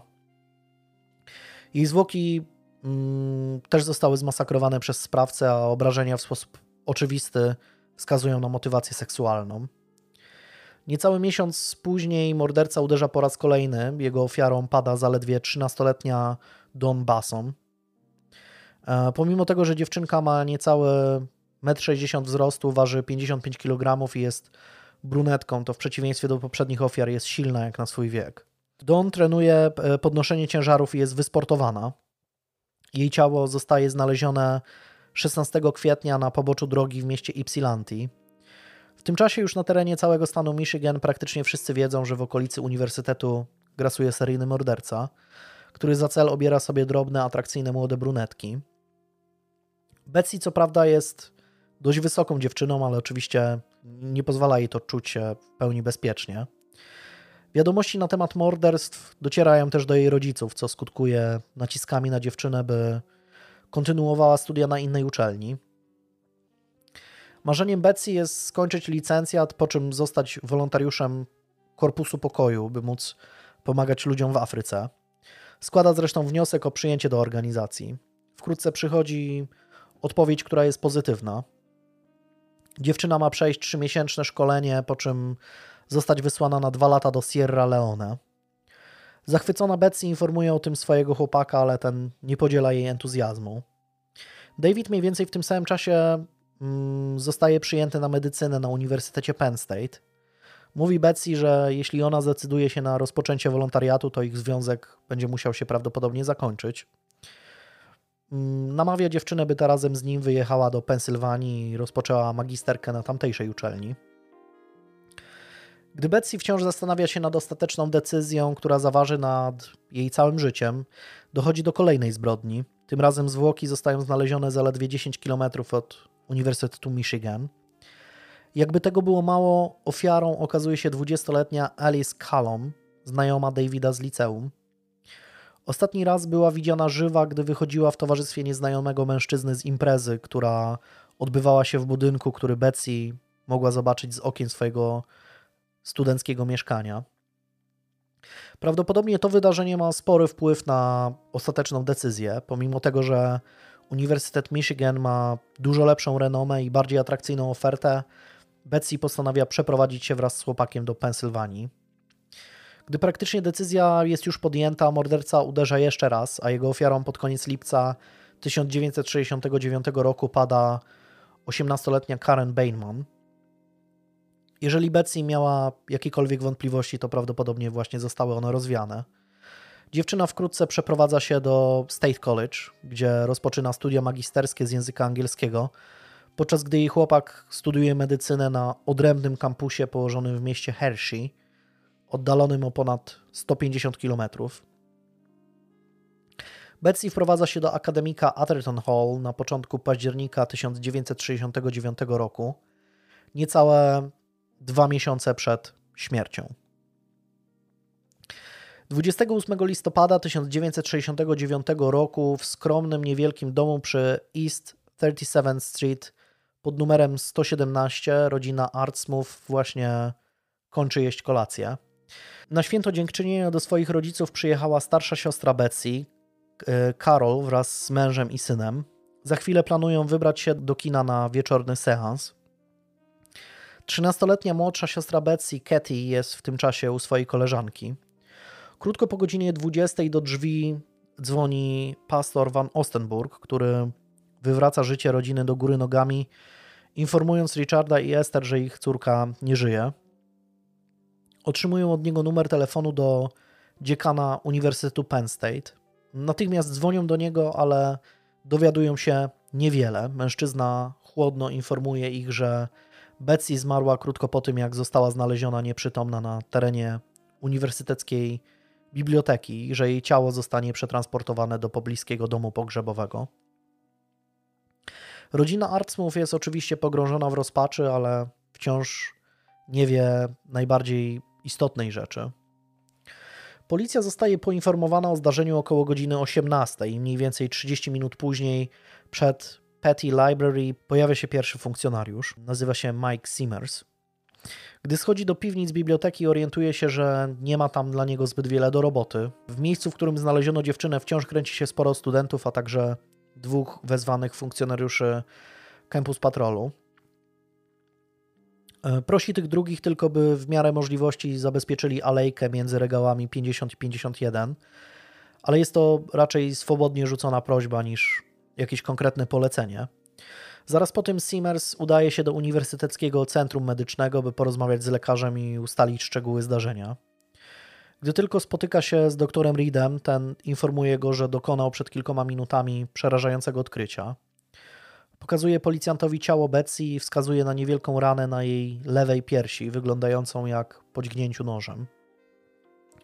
Z pozoru oczywista sprawa, która wydawała się nieszczęśliwym zgonem w wyniku ataku padaczki, wylewu czy zawału, okazuje się morderstwem. Gdy w Petty Library w końcu pojawiają się kolejni policjanci, okazuje się, że w kwestii zabezpieczenia biblioteki nie zostało zrobione prawie nic. Funkcjonariusze Campus Patrol, którzy byli na miejscu, nie mieli zielonego pojęcia, że jest to miejsce zbrodni, więc do swoich obowiązków podeszli bez nadmiernego zaangażowania. W wyniku tego po podziemiach biblioteki przez dłuższy czas wciąż beztrosko chodzili sobie studenci, a nawet gdy wyproszono ich stamtąd, to na miejsce zaczęli schodzić ciekawscy pracownicy gmachu. Biblioteka aż do północy pozostaje otwarta i późniejsze sprawdzenie liczników znajdujących się przy wyjściach pokaże, że w ciągu godziny od morderstwa Betsy z budynku wyszło łącznie 209 osób. Co więcej, ktoś z personelu poprosił woźnego, by posprzątał bałagan i wytarł plamę moczu w miejscu, w którym znaleziono dziewczynę. Gdyby zabójca kupił tego dnia kupon Totolotka, to z pewnością trafiłby szóstkę. Jak mówił Paulo Coelho, kiedy czegoś gorąco pragniesz, to cały wszechświat sprzyja potajemnie twojemu pragnieniu. No morderca najwidoczniej gorąco pragnął, by zbrodnia uszła mu na sucho, bo dosłownie wszystko działo się tak, jak, jak pod jego dyktando. O godzinie 23 rozpoczyna się autopsja Betsy. Potwierdza ona, że dziewczyna faktycznie została jednokrotnie dźgnięta w lewą pierś, najprawdopodobniej przy pomocy noża e, o wymiarach ostrza 22 mm szerokości i co najmniej 80 mm długości. Według patologa do zadania rany użyto znacznej siły, bo ostrze przeszło przez mostek, przebiło lewe płuco oraz serce. Ze względu na fakt, że narzędzie zbrodni było niewielkie, spowodowało ono małe nacięcie na skórze i nieznaczny wyciek krwi na zewnątrz. Dodatkowo gruby sweter oraz czerwona sukienka skutecznie zatamowały i ukryły krwawienie. Wewnętrzne obrażenia były jednak zabójcze. Tak zadany cios doprowadził do natychmiastowego zapadnięcia się uszkodzonego płuca i wypełnienia się jamy klatki piersiowej trzema litrami krwi, co doprowadziło do bardzo szybkiego zgonu. W praktyce Betsy utonęła we własnej krwi. Krwotok ten spowodował też zarumienienie się twarzy dziewczyny, co zmyliło sanitariuszy, którzy założyli, że ta miała najprawdopodobniej atak epilepsji. Prawdopodobnie, gdy pojawili się w bibliotece, dziewczyna już nie żyła, wyczuwali jej puls ze względu na zwykły brak doświadczenia i stres. Sprawca najpewniej zaatakował ofiarę, gdy ta była do niego odwrócona przodem, a narzędzie zbrodni znajdowało się w jego prawej ręce. Można więc założyć, że znała ona mordercę lub na początku nawiązał on z nią kontakt, nie wzbudzając jej większych podejrzeń. Betsy została zaskoczona atakiem. Na jej ciele nie stwierdzono jakichkolwiek obrażeń obronnych, pod jej paznokciami nie znaleziono też naskórka, który mógłby należeć do mordercy. Oprócz wspomnianej rany podczas sekcji opisano powierzchowne obrażenia głowy, które zapewne powstały, gdy dziewczyna upadła na ziemię. Dość zagadkowy jest za to okrągły krwiak znajdujący się tuż poniżej rany na lewej piersi Betsy. Nigdy nie uda się ustalić, w jaki sposób powstał. Mógł on zostać spowodowany przez uderzenie fragmentem narzędzia zbrodni. Noża jednak nigdy nie znaleziono, więc ta kwestia wciąż pozostaje zagadką. Albo dzięki szczęściu, albo sporej precyzji morderca zaatakował szybko i niezmiernie skutecznie. Krew, która wypełniła płuca ofiary, spowodowała, że nie mogła ona wydobyć z siebie głosu. W przeciwnym razie może studentom lub pracownikom biblioteki udałoby się zatrzymać sprawcę. Dziewczyna miałaby szansę na przeżycie tylko w sytuacji, gdyby trafiła na stół operacyjny nieomal natychmiast w nowoczesnym szpitalu e, z zapasem krwi, który mógłby zasilić jej krwiobieg i doświadczonym zespołem kardiochirurgicznym w gotowości. Pomimo początkowego falstartu, policjanci nie tracą czasu i w pierwszej kolejności sprawdzają najbardziej oczywisty trop. Dwóch funkcjonariuszy zostaje wysłanych 170 km na południowy wschód do miasta Hershey, gdzie przebywa David Wright, chłopak Betsy. O godzinie drugiej w nocy pukają do drzwi domu, w którym mieszka wraz z kilkoma innymi studentami medycyny. Wybudzony ze snu David siada z policjantami przy kuchennym stole i posłusznie odpowiada na wszystkie pytania. Przez około 20 minut funkcjonariusze przepytują go, nie mówiąc w związku z jaką sprawą jest przesłuchiwany. Chłopak twierdzi, że o godzinie 17 poprzedniego dnia był w uniwersyteckim prosektorium, gdzie preparował zwłoki. Obecni w domu studenci mogą to potwierdzić. Policjanci rozmawiają zresztą z każdym z osobna i wszyscy podają dokładnie tę samą wersję wydarzeń. Gdy David w końcu dowiaduje się, że jego dziewczyna padła ofiarą morderstwa, jest zrozpaczony. Z Betsy widział się zaledwie dzień wcześniej, bo przyjechała do niego na święto dziękczynienia. Podczas pobytu u chłopaka zadzwoniła też do swoich rodziców, by złożyć im życzenia. Para spędziła wieczór razem z pozostałymi współlokatorami Davida, po czym ten odwiózł ją na autobus, którym wróciła do State College. David mówi nawet, że proponował Betsy, by została z nim do końca tygodnia. Dziewczyna jednak odmówiła, twierdząc, że musi przygotować się do pracy pisemnej dla jednego z profesorów. Gdy tylko policjanci wychodzą z akademika, chłopak od razu dzwoni do swojego ojca, by powiedzieć mu, co się stało. Wtedy też dochodzi do bardzo przykrej sytuacji. Donovan Wright, zaraz po tym, jak kończy rozmowę z synem, dzwoni do Richarda i Esther Artsma, by złożyć im kondolencje. To od niego rodzice Betsy dowiadują się, że ich córka nie zmarła tak po prostu, ale że została zamordowana. Mniej więcej w tym samym czasie oddelegowany funkcjonariusz policji przeszukuje pokój ofiary, ale nie znajduje w nim nic, co mogłoby nakierować śledztwo na właściwe tory. Policjantom udaje się nawet wypożyczyć od lokalnej stacji telewizyjnej kamerę wideo, która zostaje umieszczona w podziemiach biblioteki z nadzieją, że nagra mordercę, który wróci na miejsce zabójstwa. Urządzenie jednak jest sporych rozmiarów i zostaje ukryte na prędce w kartonie z wyciętą dziurą na obiektyw. Sprawca musiałby być wyjątkowo nierozgarnięty, by dać się w taki sposób złapać. Z czasem zresztą podczas przesłuchań nawet sami studenci zwracają policjantom uwagę, że wszyscy już wiedzą o zainstalowanym monitoringu. Wczesnym rankiem w sobotę 29 listopada w podziemiach Petty Library zjawia się niepozorna, niska, starsza pani przy kości. 71-letnia profesor chemii na Penn State, Mary Willard, została poproszona o pomoc przez prowadzącego śledztwo sierżanta Kimmela. Kobieta wiele lat temu podczas robienia swojego doktoratu zafascynowała się możliwościami, jakie oferuje chemia w śledztwie kryminalnym. Kimmel nie bez powodu sięgnął właśnie po nią. Kobieta od prawie 40 lat współpracuje z policją jako ekspert w swojej dziedzinie. Dysponuje nie tylko nieprzebraną wiedzą i doświadczeniem, ale także sprzętem dużo lepszej klasy niż ówczesne stanowe laboratorium kryminalistyczne w Harrisburgu. Przeszukanie biblioteki przez policjantów nie dało wiele. Pewnym przełomem mogła okazać się znaleziona puszka po Coca-Coli, z której zdjęto odciski palców, ale później właścicielem okaże się jeden z funkcjonariuszy Campus Patrolu. Niedaleko miejsca, w którym została zaatakowana Betsy, na jednym z biurek policjanci znaleźli dwie bogato ilustrowane książeczki z ostrą pornografią. Obie zostały wydane w Holandii i kosztowały 10 dolarów, co było kwotą jak na tamte czasy kosmiczną. Biorąc pod uwagę inflację, dzisiaj kosztowałyby jakieś 70 dolarów, czyli prawie 300 zł za sztukę. Podczas przeszukania podziemi biblioteki znaleziono od 20 do 30 innych tego typu gazetek upchniętych między książkami na regałach. Te jednak były już warte grosze i nie dostarczały tak pełnych detali zdjęć, a jedynie erotyczne rysunki. Policjanci doszli do oczywistego wniosku, że holenderskie drogocenne pornole musiały należeć do mordercy, bo nikt o zdrowych zmysłach nie zostawiłby ich tak po prostu na biurku i poszedł sobie do domu. Były po prostu zbyt wiele warte. Pierwszą rzeczą, którą robi profesor Willard jest zbadanie okolic miejsca zbrodni przy użyciu lampy UV. Kobieta na klęczkach oświetla podłogę biblioteki i nieomal natychmiast widać charakterystyczne żółto-zielonkawe plamy. Być może obecni na miejscu policjanci nie wiedzą jeszcze, co to oznacza, ale Willard zdaje sobie z tego sprawę doskonale. Krew absorbuje światło ultrafioletowe i w jego blasku widoczna jest jako czarna plama.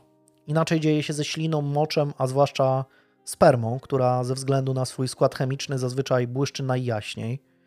71-latka na podłodze biblioteki znajduje wiele śladów nasienia, a gdy podnosi lampę i oświetla nimi regały, zauważa po podobne rozbłyski różne, również na półkach i samych książkach. Podziemia Petty Library miały faktycznie nie najlepszą sławę, ale tego, że w świetle UV rozbłysną jak choinka w Boże Narodzenie, chyba nikt się nie spodziewał.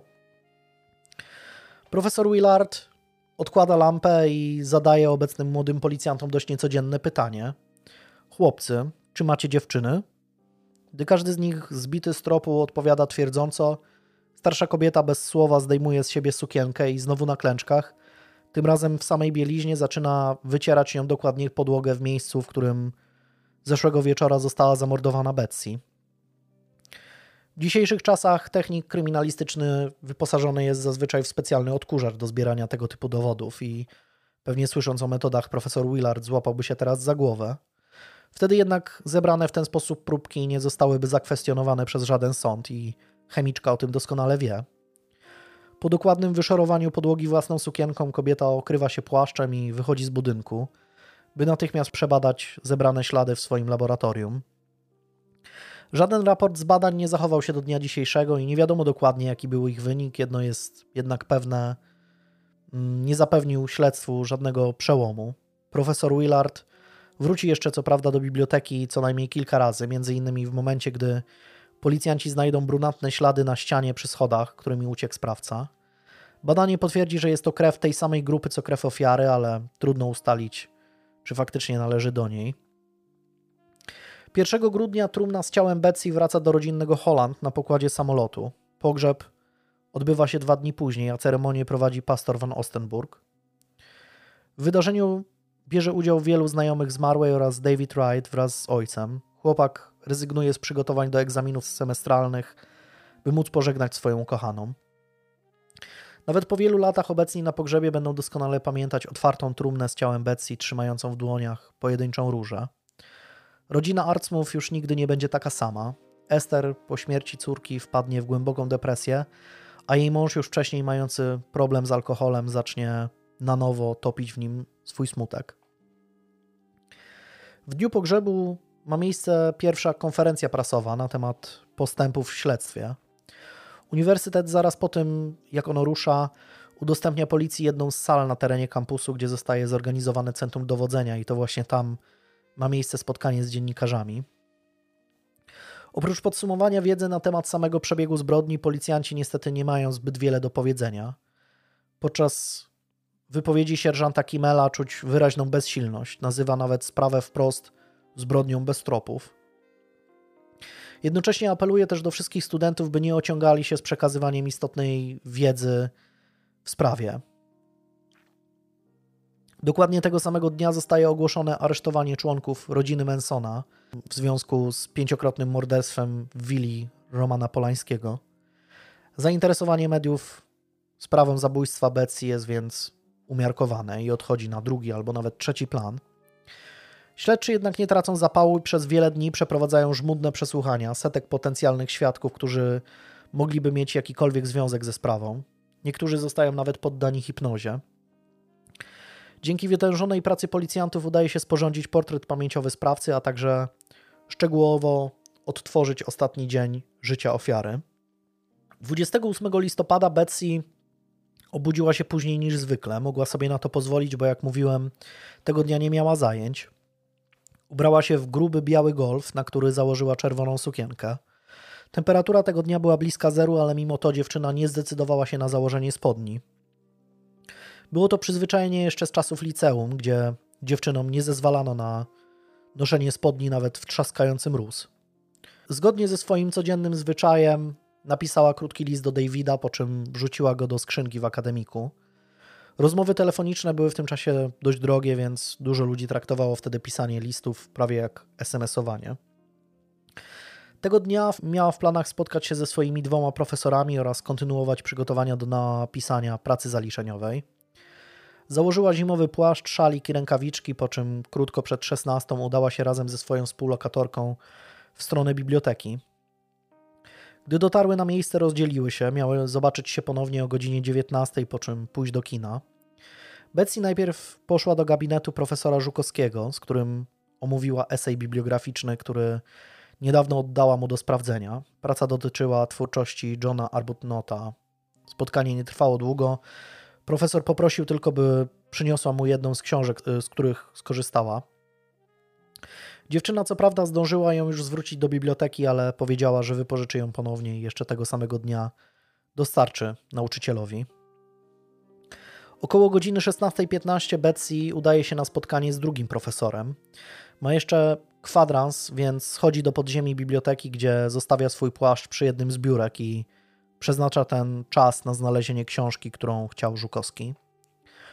O 16.30 idzie na spotkanie z profesorem, którego gabinet znajduje się w budynku Petty Library. Harrison Messerol, bo tak nazywa się nauczyciel, rozmawia z nią przez około 15 minut na temat pracy pisemnej, którą Betsy musi mu oddać za dwa tygodnie. Ma ona polegać na analizie wybranego rękopisu. Betsy wybiera pewien XVII-wieczny wiersz. Ma za zadanie dokonać transkrypcji tekstu, ustalić jego autorstwo, a także przedstawić jego historyczny kontekst. O godzinie 16.45 dziewczyna była już na parterze biblioteki, gdzie korzystała z katalogu, najprawdopodobniej poszukując książek potrzebnych do napisania pracy dla profesora Messerola. Do piwnic budynku schodzi krótko przed godziną 17, gdzie dosłownie 3-4 minuty później została zamordowana. Oczywistym pytaniem jest, dlaczego komuś mogłoby zależeć na śmierci młodej studentki. Po uniwersytecie krąży w tym czasie cała masa plotek dotyczących tego, że dziewczyna mogła handlować narkotykami, świadczyć usługi seksualne albo że padła ofiarą satanistycznej sekty. Trudno w konkursie na najbardziej niedorzeczną teorię wyłonić faworyta, ale mocnym kandydatem jest mm, teoria, według której Betsy została zamordowana przez gangsterów mszczących się na jej rodzicach, będących tajnymi agentami amerykańskich służb specjalnych. Za to jedną z bardzo sensownych teorii jest ta, według której dziewczyna natknęła się na uprawiających seks mężczyzn, którzy przypływie stresu i z chęci pozostania anonimowymi zaatakowali ją. Ten kontekst seksualny zresztą zdaje się, znają się potwierdzać te ślady wszędzie w bibliotece, co w ogóle jest jakimś absurdem moim zdaniem. Bywałem często w bibliotekach uniwersyteckich i podczas studiów dość dużo czasu spędziłem tam, ale na szczęście nie natknąłem, Ale, ale nie w ten sposób. nie natknąłem się, ani nie natknąłem się na nikogo, kto spędzał w ten sposób czas, ani sam nie spędzałem w taki sposób czasu. Nie wiem w ogóle, jaki jest sens za bardzo iść do biblioteki w takim celu, no ale okej, to znaczy, no, No każdy ma tam jakieś swoje fanaberie i to, swoje przywary. Każdy no ma. tak, tak. Mm, okej, ale p- przejdźmy do e, podejrzanych. Pierwszym z nich jest oczywiście David Wright, chłopak Betsy. W teorii pasuje idealnie. Mógłby zbliżyć się do dziewczyny i niespodziewanie zadać cios. Jednocześnie dzięki znajomości anatomii zadać go tak precyzyjnie, by być pewnym, że dziewczyna nie przeżyje ataku.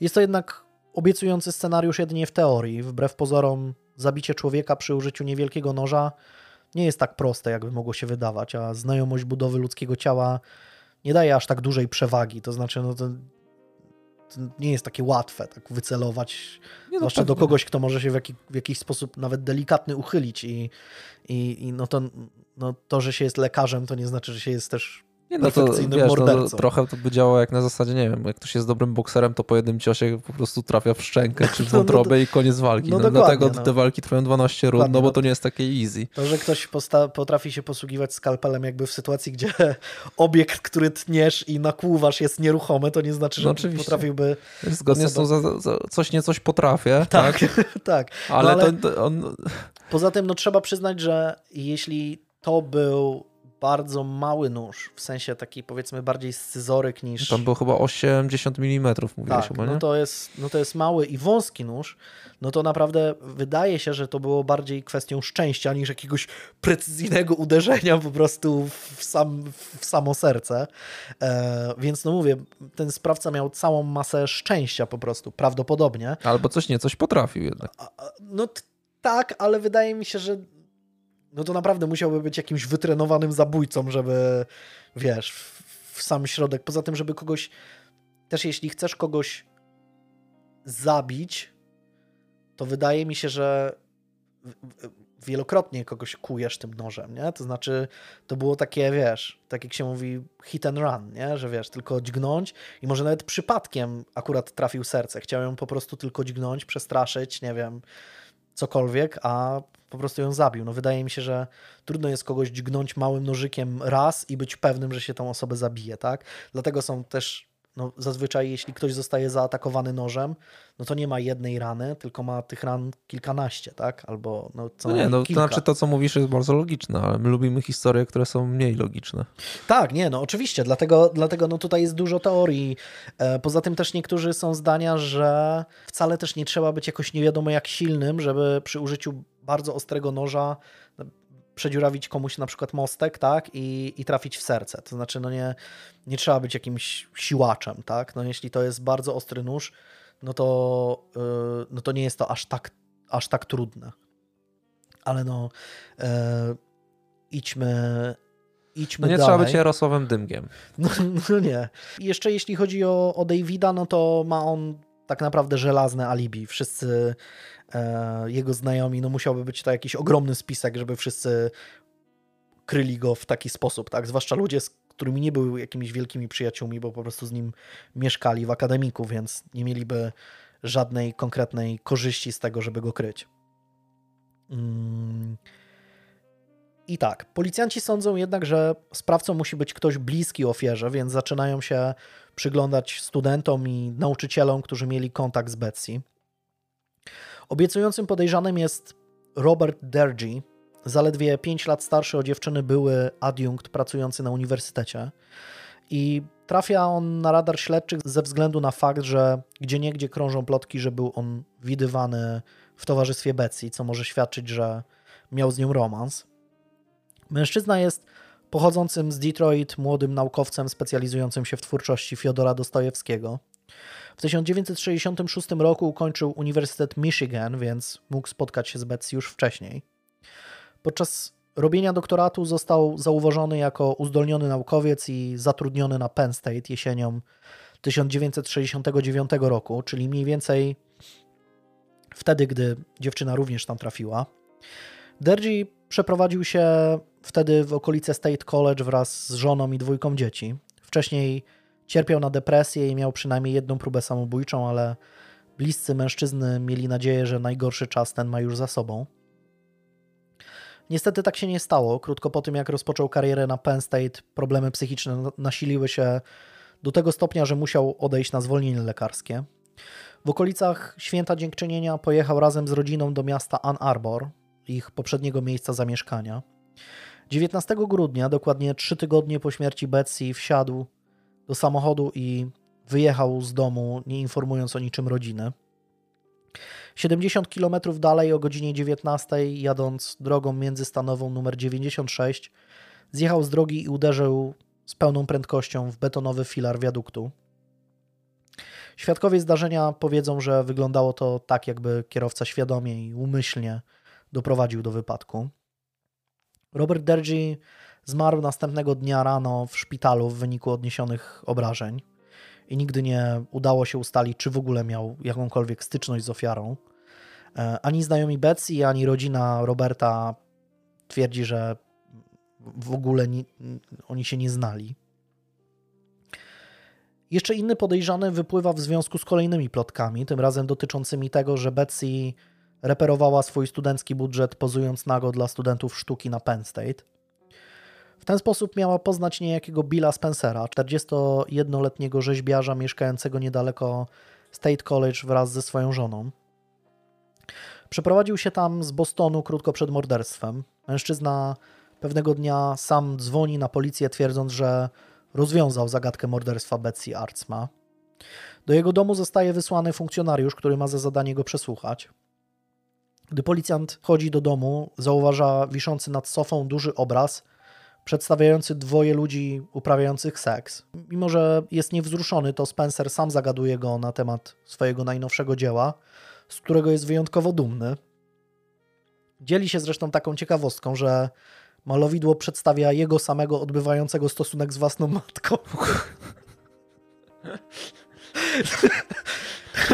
Każdy ma jakieś tam swoje różne smaki. No.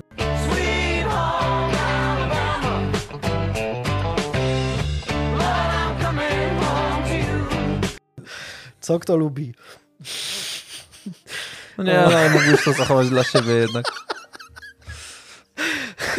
Są takie smaki, które są nie do końca smaczne. Okej.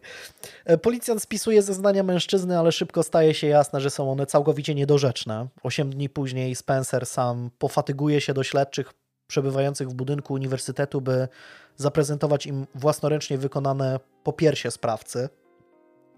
Sama żona rzeźbiarza mówi policjantom, że jej mąż to totalny wariat i najlepiej będzie, jeśli zupełnie go zignorują. No i śledczy idą za radą kobiety i olewają wątek Spencera, czas mu poświęcony okazuje się zupełnie zmarnowany. Ale taki typowy wariat, nie tak jak teraz się mówi, siemka wariacie, coś tam, coś Tak, tam. nie? no taki Sensu stricte. oldschoolowy wariant. Oldschoolowy. Świr. Świr. Wśród, zresztą no ten obraz tak już Nie, był spo, spo, takim sporo przed, mówi, sporo przed mówi. smakiem Tak, tego wszystkiego. Sporo mówi.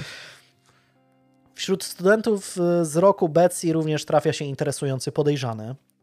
Larry Paul Maurer to wysoki blondyn w okularach, którego jeden z profesorów na uczelni zapamięta między innymi dlatego, że chłopak zawsze nosił przy sobie niewielki nóż myśliwski.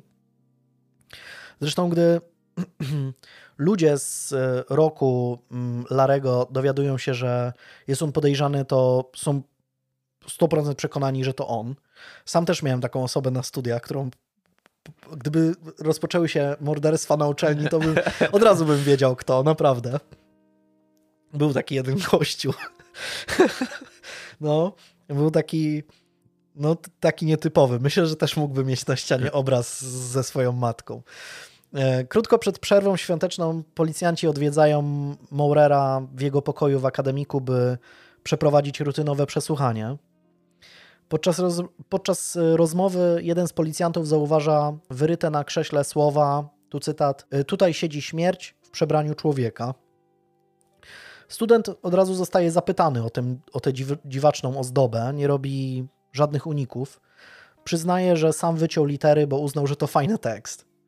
Gdy funkcjonariusze za to pytają się go, dlaczego wszędzie chodzi z nożem, ten odpowiada, że potrzebuje go do krojenia sera. Bezogródek Przyznaje też, że w dniu śmierci Betsy, mniej więcej w czasie, gdy doszło do zbrodni, przebywał w bibliotece. Mówi nawet, że pewnego dnia zaprosił dziewczynę na randkę do kina, ale mu odmówiła. Betsy mm, powie zresztą swojej koleżance, że mm, mm, nie była zainteresowana romansem, bo Larry za bardzo przypominał jej leśnika. To jest nie takiego drwala, tylko leśnika. No ja wiem, w takiej kamizelce raczej takiej wędkarskiej. Taki młody Andrzej Sapkowski. Gdy, To się nie dziwię wcale. No każdy, to znaczy jeśli słuchają nas leśnicy, to nie żeby to, to była jakaś obraza, ale chodzi o takiego stereotypowego leśnika. Nie bardzo szanujemy pracę leśnika. Oczywiście, że tak. E, Gdy śledczy wracają z przesłuchania są absolutnie przekonani, że na bank to on jest mordercą. Dla ostatecznego potwierdzenia, że to właśnie Maurer stoi za śmiercią dziewczyny, policjanci przeprowadzają na nim badanie wariografem. Podczas całej procedury chłopak jest spokojny i rzeczowy, co już budzi niepokój śledczych. Gdy jednak okazuje się, że przeszedł test wzorowo, ci są zupełnie zszokowani. Nie mają nic, co mogłoby go obciążyć. Szybko okazuje się, że jest to kolejna ślepa uliczka. Jest jeszcze jeden podejrzany i wiąże się z nim bardzo dziwna historia. W dniu morderstwa, krótko po godzinie 18, profesor Lauren Wright, nie mający nic wspólnego z Davidem Wrightem, który był chłopakiem dziewczyny, profesor Lauren Wright, wykładający geologię na Penn State, zasiada wraz z żoną do obiadu, gdy nagle ktoś dzwoni do drzwi. Okazuje się, że jest to dobrze znany mężczyźnie student, Rick Hefner. Trudno pomylić go z kimś innym, bo zawsze chodzi po uczelni w marynarce i roboczych spodniach koloru kaki. Kilkukrotnie był on u niego w domu, ale nie pojawiał się tam często, więc Wright jest zaskoczony jego wizytą. Chłopak jest mocno poruszony. Pyta się, czy profesor czytał w gazecie o morderstwie, do którego doszło w uniwersyteckiej bibliotece. Wymienia nawet imię i nazwisko zabitej dziewczyny. Mm, Siadają razem w środku i zaczynają rozmawiać na ten temat, ale Hefner nie mówi za wiele. Spotkanie dość szybko kończy się i student wychodzi z domu. Nie byłoby w tym nic dziwnego, gdyby nie fakt, że w okolicach godziny 18 praktycznie jeszcze nikt nie wiedział o tym, że ktokolwiek został zamordowany w podziemiach Petty Library. Profesor Wright też jest zdziwiony całym zajściem, ale nie dzieli się swoimi przemyśleniami z policją, przez co nigdy ten wątek nie staje się powodem do zatrzymania Hefnera. Przypominam, że w okolicach godziny 18 dopiero policja została poinformowana o całym zajściu, więc jest to bardzo dziwne. Richard urodził się w 1943 roku i wychował się w mieście Lancaster w stanie Pensylwania. Chłopak w czasie nauki w publicznych szkołach w mieście jest obiektem drwin i ofiarą znęcania się. Problem jest na tyle poważny, że gdy jest już starszy, zawsze nosi przy sobie niewielki, wykonany własnoręcznie nóż. Gdy ma 19 lat, po raz pierwszy trafia do policyjnej kartoteki i to nie za byle co, bo za proponowanie seksu nieletniemu chłopcu. Sprawa zostaje zgłoszona służbom, ale z jakiegoś powodu Rickowi uchodzi to na sucho. Nie jest to przypadek odosobniony, bo krótko po tym Hefner molestuje seksualnie chłopców ze swojej drużyny skautowej. Informacje na ten temat trafiają do rodziców dzieci, ale cała sprawa kończy się dla Ricka jedynie wydaleniem z organizacji. Sprawa nie trafia jednak na policję, więc może on dalej pracować z dziećmi, co wykorzystuje do dalszego pedofilskiego procederu. W 1966 roku Hefner rozpoczyna studia geologiczne na Penn State, gdzie pewien czas mieszka nawet w jednym pokoju z Larrym Morerem, tym poprzednim podejrzanym. W dwóch kolejnych latach prowadzi wraz z profesorem Wrightem badania naukowe w kalifornijskiej Dolinie Śmierci. Podczas tego przedsięwzięcia mieszkają w miejscowości Shoshone. Co ciekawe, dokładnie w tej okolicy działają w tym czasie członkowie rodziny Mansona. Sam lider sekty wielokrotnie przemierza Dolinę Śmierci. Trudno jednak powiedzieć, czy Rick natknął się na przyszłego mordercę Sharon Tate lub kogoś z jego wyznawców. Gdy Betsy zostaje zamordowana, Hefner jest już asystentem jednego z profesorów, a trzy lata później udaje mu się zrobić doktorat. W latach 1973-75 Rick pracuje na uniwersytetach jako wykładowca. W tym samym czasie prowadzi też sklepik, w którym sprzedaje różne minerały. Jego kariera jednak kończy się w sierpniu 1975 roku, kiedy zostaje aresztowany za molestowanie seksualne 12-letniego chłopca. Proces ma ruszyć dopiero za kilka miesięcy, więc Hefner zostaje do tego czasu wypuszczony z aresztu i wtedy ma miejsce kolejne bardzo podejrzane zdarzenie. Jego 15-letni kuzyn jest świadkiem kłótni Rika z matką. Podczas burzliwej wymiany zdań kobieta nagle mówi do syna, że raz już udało mu się uciec przed wymiarem sprawiedliwości. Wspomina o morderstwie dziewczyny na Uniwersytecie Penn State. W końcu wypala, tu cytat, równie dobrze możesz zabić mnie, tak samo jak zrobiłeś z nią. Podczas kłótni co prawda nie pada imię Betsy, ale nie ma wątpliwości, że to właśnie ją miała na myśli kobieta. No, Penn State to dziwny uniwersytet, ale nie, nie giną nam co drugi dzień kobiety, więc no, mm, podobno poprzednie takie wydarzenie miało miejsce w 1940 roku, więc mimo wszystko no, do, dość rzadko umierają ludzie na tym uniwersytecie. Proces rusza na początku 1976 roku w sprawie oczywiście o to molestowanie. Miesiąc później zapada wyrok skazujący Hefnera na 30 dni więzienia oraz 500 dolarów grzywny, co w ogóle jest jakąś śmieszną karą. Nie dotyczy on jednak molestowania seksualnego, co do tego ława przysięgłych nie dochodzi do porozumienia. Kara zostaje wymierzona Rickowi za obrazę sądu podczas procesu. Po odsiedzeniu zaledwie dwóch tygodni wychodzi na wolność po wpłaceniu kaucji w wysokości 1000 dolarów. Po wyjściu z więzienia zachowuje się paranoicznie, uważa, że skorumpowane władze spiskują przeciwko niemu, by go wykończyć. W wyniku swoich urojeń pozywa kogo popadnie. Na celownik bierze muzeum, które nie zatrudniło go ze względu na ciążące na nim zarzuty, policjantów, którzy aresztowali go w 1975 roku, władze miejskie będące pracodawcami policjantów. Procesuje się nawet z jednym z dziennikarzy, a nawet z własnym adwokatem. Praktycznie wszystkie te procesy kończą się przegraną Hefnera. Kolejne lata to nieustanne zatargi Rika z prawem i kolejne pozwy, z, z którymi ten chodzi do sądu jak Krzysztof Kononowicz donosami na trzeci komisariat w Białymstoku. W 1998 roku na przykład ma sprawę za pobicie Bogu Ducha winnej kobiety na parkingu jednego ze sklepów. W wyniku spotkania z Hefnerem ta ma zwichniętą żuchwę i wybite pięć zębów. Mężczyzna trafia za to do więzienia na miesiąc, dostaje jednocześnie 11 miesięcy karę w zawieszeniu i musi zapłacić kobiecie odszkodowanie. Musi zapłacić, ale go finalnie w ogóle nie płaci. W marcu 2002 roku podczas spaceru po pustyni Mojave w okolicach miejscowości Shoshone Rick dostaje ataku serca. Dość szybko trafia do szpitala w Las Vegas, gdzie jego stan zostaje ustabilizowany przez lekarzy. 19 marca jednak nagle się pogarsza i Hefner umiera.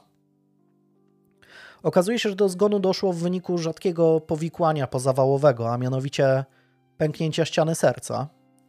Rick zmarł dokładnie w taki sam sposób jak Betsy, tonąc we własnej krwi. Nigdy nie udaje się ustalić, czy faktycznie był on sprawcą morderstwa, choć bardzo wiele na to wskazuje.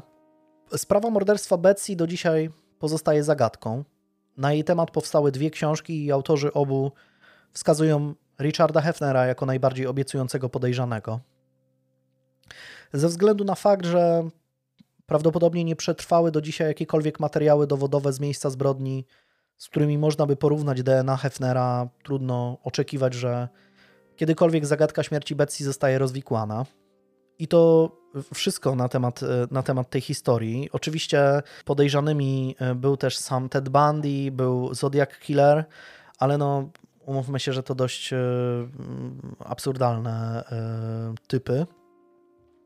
Jeśli chodzi o książki, to zwłaszcza polecam książkę Davida de Koka Murder in the Stacks. David de, de Kock to jest człowiek, który wychował się w Holland i jest mniej więcej w wieku Betsy. I nawiązałem z nim kontakt i bardzo miło nam się rozmawiało. Zresztą zaskoczył mnie swoją wiedzą na temat Polski, a, a tym bardziej wiedzą na temat Bydgoszczy, co w ogóle było jakimś, jakimś totalnym zaskoczeniem. Ale też sporo, sporo rozmawialiśmy na temat tej, tej sprawy i, i, i sporo mi pomógł, rozwiał różnego rodzaju wątpliwości. Druga książka to Who Killed Betsy Artsma i, i ona jest mniej, moim zdaniem, taka przydatna. Po, poza tym nie jest poparta aż, aż tyloma mm, źródłami. Wydaje mi się, że Murder in the Stacks jest, jest dużo lepsze. Poza tym rozwija jeszcze całą masę innych wątków jest bardzo szczegółowa i to jest jedyna rzecz, która mogłaby dla kogoś, kto tak chce po prostu sobie poczytać true crime'ową książkę, mogłoby być męczące, bo jest no naprawdę bardzo szczegółowe. Mam wrażenie, że, że David po prostu wszystko, co wiedział na temat sprawy, chciał tam umieścić. E, ale warto, warto naprawdę, e, naprawdę warto, jeśli ktoś e, chce dowiedzieć się jak najwięcej.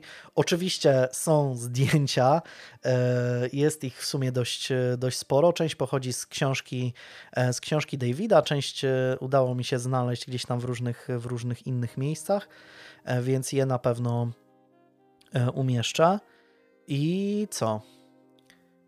Jak się nazywa ten Estończyk, ten zapaśnik? Walery Nikitin, Niki. Okej. estoński zapaśnik. No. Dziękuję, rozwiałeś wszystkie moje wątpliwości odnośnie tej sprawy, bardzo ciekawa. I e, to, to, to wszystko e, słucham e, ciebie.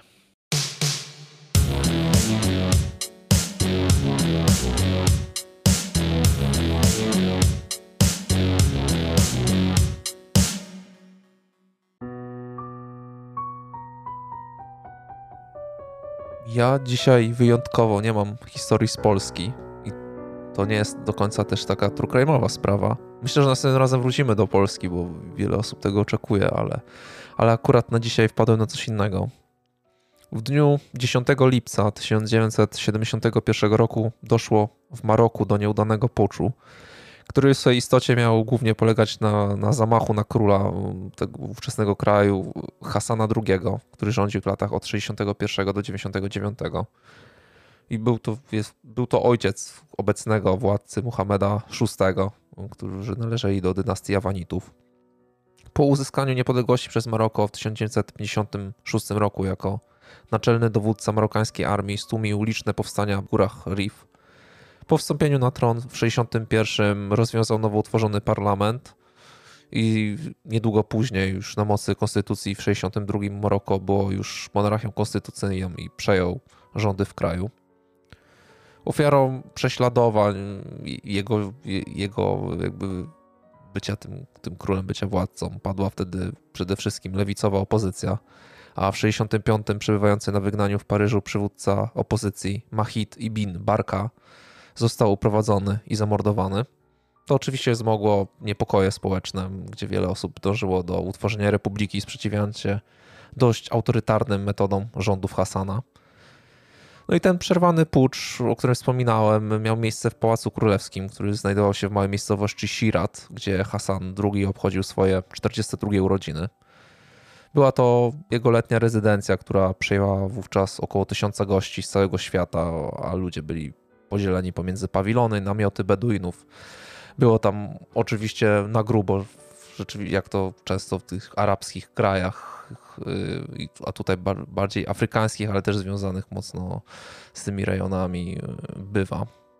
Ta próba zamachu była zorganizowana przez wysoko postawionych generałów wojskowych, yy, a wśród aktywnych wojskowych wykorzystywała w dużej mierze głównie kadetów ze szkoły wojskowej podoficerów Achermołu. Sam przebieg tego zamachu był bardzo krwawy i w skrócie polegał na tym, że dwie kolumny kadetów, których ogólnie całościowo było około 1400, po, Dużo. no dość sporo, dość sporo. No ale mówię, że to Żeby byli, jednego chłopa zabić. no ale no wiesz, znaczy spodziewasz się, że w tym Pałacu Królewskim to nie jest ten jeden Nie, chłop, nie? No wiadomo, ale Jest ten jeden chłop. Szczególnie ostatnio, ostatnio widziałem, widziałem filmik, jak wygląda pałac jakiegoś emira tam gdzieś w Katarze. To, jest, to, tam są w ogóle armie na wielbłądach w ogóle strz- strzegące te, te, tego, tego szefa, yy, tego gościa, który tam rządzi tym Katarem. Więc wydaje mi się, że tutaj w Maroku też to nie jest na zasadzie, że dwóch ochroniarzy, jak w tej twojej szkole tam miernej, wyskoczyło, wiesz, z pukawką taką na, na jarzębinę i, i, i broniło go. No raczej, raczej to jest cała, cała, cała armia e, przy, znajdująca się tak na- naprawdę bez, be, ciągle przy nim. Sam właśnie przebieg, jak wspominałem, był bardzo krwawy i, i właśnie polegało to głównie na tym, że w czasie obiadowym jakby do tego środka pałacu y, no, wbiła ta, wbiły te dwie kolumny kadetów i zaczęły strzelać tak naprawdę na oślep do tłumu gości. Ta jadka przeprowadzona w trakcie obiadu pochłonęła około 100 ofiar wśród gości, w tym też było 200 rannych dodatkowo, czyli razem 300 osób gdzieś poniosło jakieś straty albo życia, albo zdrowia. Sam Hasan przeżył, chowając się przez kilka godzin w czymś w stylu garderoby przylegającej do sali tronowej, gdzie chroniony był właśnie przez swoją osobistą straż. Oczywiście ofiary wystąpiły też wśród atakującej strony, gdzie duża część zginęła na miejscu. Rozstrzelanych zostało też kilku starszych oficerów, którzy, którzy nadzorowali tą akcję. Wszyscy, którzy brali udział w tym puczu, zostali usunięci z korpusu wojskowego, a niektórzy trafili do więzień. I tu zaczyna się nasza historia. Jak mówiłem, wykorzystani kadeci nie do końca znali cel misji, tak naprawdę. Zostali zabrani z tej szkoły i wypełniali jedynie rozkazy, które zrzucili na nich wyżsi stopniem i doświadczeniem generałowie. Mimo tego, iż świadomości czynu wśród nich nie było jakby zbyt wiele, to, to mieli oni ponieść karę tak dotkliwą, jak to tylko możliwe. Początkowo więźniowie trafiają do politycznego więzienia w Kenitrze, słynącym z ostrego reżimu i surowych strażników. Nie jest to raczej miejsce, gdzie tam kłócisz się o Xboxa lepszego, nie? Jak Breivik. Raczej to, to nie takie więzienie. Mimo tej złej sławy, z czasem to miejsce stanie się wyjątkowym okresem luksusu, w którym w celach są okna, jest podwórze do spacerowania, no nawet jest możliwość wizyty u lekarza. Jak wspomniałem, złapani uczestnicy puczu mieli ponieść najdotkliwszą karę, gdzie śmierć tak naprawdę wydawała, miała wydawać się dla nich prezentem i błogosławieństwem. Na tę okoliczność więźniowie są transportowani do Tazma Mart, znajdującym się między miastami Ar-Shaidia i Ar-Rish, gdzie przebywa w sumie 58 więźniów, z których tylko połowa, koniec końców, wyjdzie żywa. Jednak zanim to nastąpi, minie kolejnych długich 18 lat. Jednym z takich więźniów jest Aziz Binebe, urodzony w 1944 roku. Aziz, najstarszy z licznego rodzeństwa, udaje się do szkoły kadetów, aby jakby częścią swojego żołdu wesprzeć matkę. Jego ojciec to królewski błazen, który zajęty swoimi sprawami, młodymi kobietami, za bardzo nie interesuje się własną rodziną. Podobno, gdy po zamachu władca sam wzywa bezpośrednio tego swojego błazna przed swoje oblicze, ten wyrzeka się własnego syna, mm, który właśnie trafia do więzienia Tazmamat. Podobno rzucając mu się do stóp, mówi, i tutaj cytuję: 27 lat temu Bóg dał mi syna. Proszę Boga, aby wziął go z powrotem. Niech wezwie go do siebie i wtrąci do piekła. W imię Boga Wszechmocnego, w mojej duszy i sumieniu z pełnym spokojem ducha, wyrzekam się tego niegodnego syna, przeklinam go, wystawiam na wieczne zapomnienie. Odbieram mu moje nazwisko, wrzucam do fosy z nieczystościami, żeby szczury i wściekłe psy wyrwały mu serce. Oczy, wątrobę rozerwały go na kawałki i strąciły do otchłani wiecznego zapomnienia. Bóg mi świadkiem i wasza królewska mość świadkiem. Powtarzam, on nie jest już moim synem. Już nie istnieje, nigdy nie istniał. Wasza, wasza królewska mość może i mnie wrzucić do wielkiego oceanu zapomnienia. Pozostałem zbrukany przez tę niegodziwość i nie zasługuję już na to, aby być twoim sługą i niewolnikiem. Wygnaj mnie, powiedz słowo, a nie ujrzysz już nigdy tej twarzy, która nie ośmiela się spojrzeć ci prosto w oczy. Twarzy, która zbladła, straciła rysy i stała się samym wstydem. Dla mnie ten niegodny syn umarł. Niech przywrócą go do życia, aby cierpiał i spłacał aż po swoją ostatnią godzinę podłą zniewagę, której dopuścił się wobec królestwa. Boga i jego prostej sługi. Wyrzekam się go, wyrzekam, wyrzekam, przeklinam go, przeklinam, przeklinam. Mój Boże, jak prosić Cię o przebaczenie? Panie, jak błagać Cię o pomoc? Nie aby ocalić człowieka, który zdradził Boga, który zranił ojczyznę i w akcie niewyobrażalnego szaleństwa miał czelność targnąć się na Twoje życie. Tak szlachetne, dobre i wysokie jak niebo. Komandorze wiernych, potomku proroka.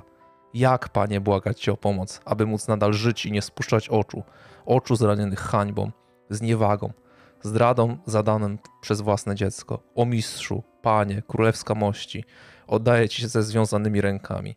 Niech Wasza królewska mość uczyni co zechce ze swoim niewolnikiem. Jestem Twój, nie mam już rodziny, nie mam dzieci. Padam do Twoich stóp. No myślałem, że to jest błazen, że będzie jakaś śmieszna No, puenta. no, no właśnie, właśnie dlatego, dlatego y, całość, te, całość te, te, tego jego monologu y, chciałem tutaj zawrzeć, bo jest bardzo ciekawy, tak nie, nie, nie pasujące do, do, do błazna. No. Ra, ra, raczej takiego... Powinien być jakiś błazeński Błaze... No może w tym, chyba że był w czapce klauna na przykład i, i śmiesznie tańczył w międzyczasie, nie wiem, albo robił, robił wiesz, balonami jakieś śmieszne te, Wystarczyłoby, że byłby przebrany za babę. albo był przebrany z zabawy, tak, to by, to by zmieniło całą, całą Tak. wiesz, No to całą wizję, nie? od razu śmiesznie. No nie, no pewnie zabawnie. tak. Pewnie, znaczy wiesz, no, no mógł się ograniczyć do tego, że się wyrzeka tego syna, a nie go już tam jechać, że wiesz, że, że wrzucić go do, do fosy z nieczystościami, że niech go zeżrą szczury w ogóle. To już mógł chłopaka jednak od No taki wy- wylewny. Bo, wylewno. bo go boli, nie? O jest. Bardzo stare, bardzo stare, zawsze śmieszne. Dowcip z brodą, jak Tak. się. No, koniec końców y, wyszło na, na jego, czyli, y, czyli jego syn trafił, trafił do więzienia, on, on ocalał. Betonowa cela Aziza ma 3 metry długości, 1,5 szerokości i 1,60 m wysokości. Aziz tak naprawdę nie jest w stanie się w niej wyprostować, jest zbyt wysoki, więc regularnie uderza głową o sufit. W celi nie ma pryczy, ani chociaż słomy, jedynie jakaś szara narzuta nasączona jakimś takim medycznym zapachem, podobnym takim zapachem, coś ala szpitalny zapach, który trochę masz zawroty głowy, jak go dłużej poczujesz. Cela nie ma okna. Jedyne powietrze docierające do środka to to wlatujące przez szparę między metalowymi drzwiami. Sam powiew dlatego nie jest zbyt potężny, więc nie jest w stanie osłabić sporodu ekskrementów wydobywających się z wąskiego otworu w ziemi. Ściany oddzielające cale są cienkie i wszyscy słyszą się nawzajem. Wszelkie westchnięcia, jęki, chrapanie, płacz. Skazańcy nie mają prawa zwracać się do siebie po imieniu czy nazwisku. Każdy otrzymuje numer. Zresztą znamy. Azizowi trafia się szczęśliwa siódemka. Hamid o numerze 12, pierwszy w tych okolicznościach traci rozum, zaczynając mówić do siebie bez przerwy, wyrzucając losowe arabskie czy francuskie słowa. Nie jest specjalnie uciszany. Dla strażników jest to idealna sytuacja do męczenia reszty więźniów tym wiecznym i bezustannym gadaniem, bez jakiego, jakiegokolwiek składu. Ich zadaniem tak naprawdę jest rozciąganie cierpienia w czasie i utrzymywanie więźniów jak najdłużej w stanie przedagonalnym.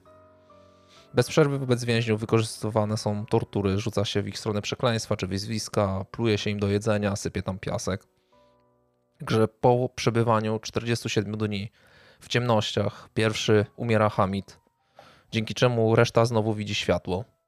Stoją na placu, mrużąc oczy, aby zobaczyć, jak ciało kolegi jest wyrzucane do fosy bez jakiegoś większego obrządku czy, czy lektury Koranu. Więźniowie korzystają z tej chwili luksusu. Aziz wspomina, iż szeroko otwiera oczy czy usta, aby wchłonąć jak najwięcej światła czy powietrza. Tak trochę jakby na zapach. Sam Aziz wspomina. Wieczorem było mi wstyd, że przy okazji pogrzebu towarzysza poczułem radość. Czy byłem aż tak bezsilny i potworny, by czerpać korzyść ze śmierci jednego z nas? Prawda była gorzka i okrutna. Czy jeżeli dzięki śmierci sąsiada będę mógł chociaż przez, przez chwil parę oglądać słońce, mam prawo mu jej życzyć? Nie ja jeden o tym myślałem. Dris numer 9 miał odwagę powiedzieć to na głos. Pogrzeb stał się dla nas okazją, żeby wyjść na zewnątrz i zobaczyć promień światła.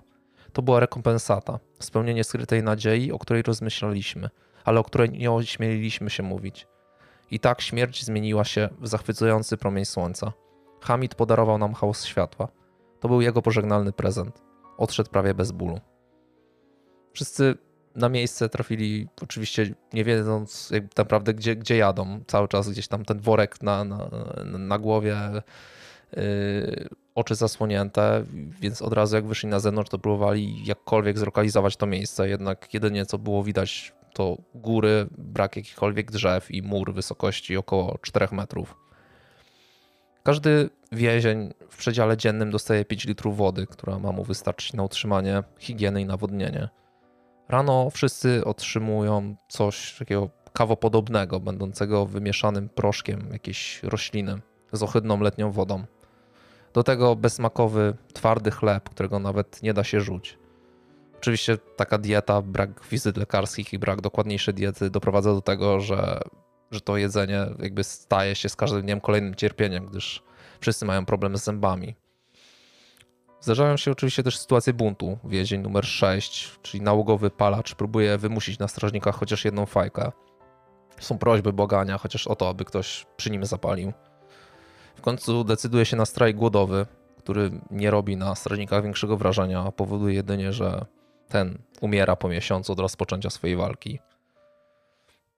Jak wspominałem o tych wizytach lekarskich, możesz zapomnieć, nie? W, jakby w Polsce czekasz parę lat, a tam musiałeś pewnie całe 18, ile tam ktoś, ktoś był, bo lekarza tam nie zastałeś. Także stan choroby tak naprawdę był stanem normalnym.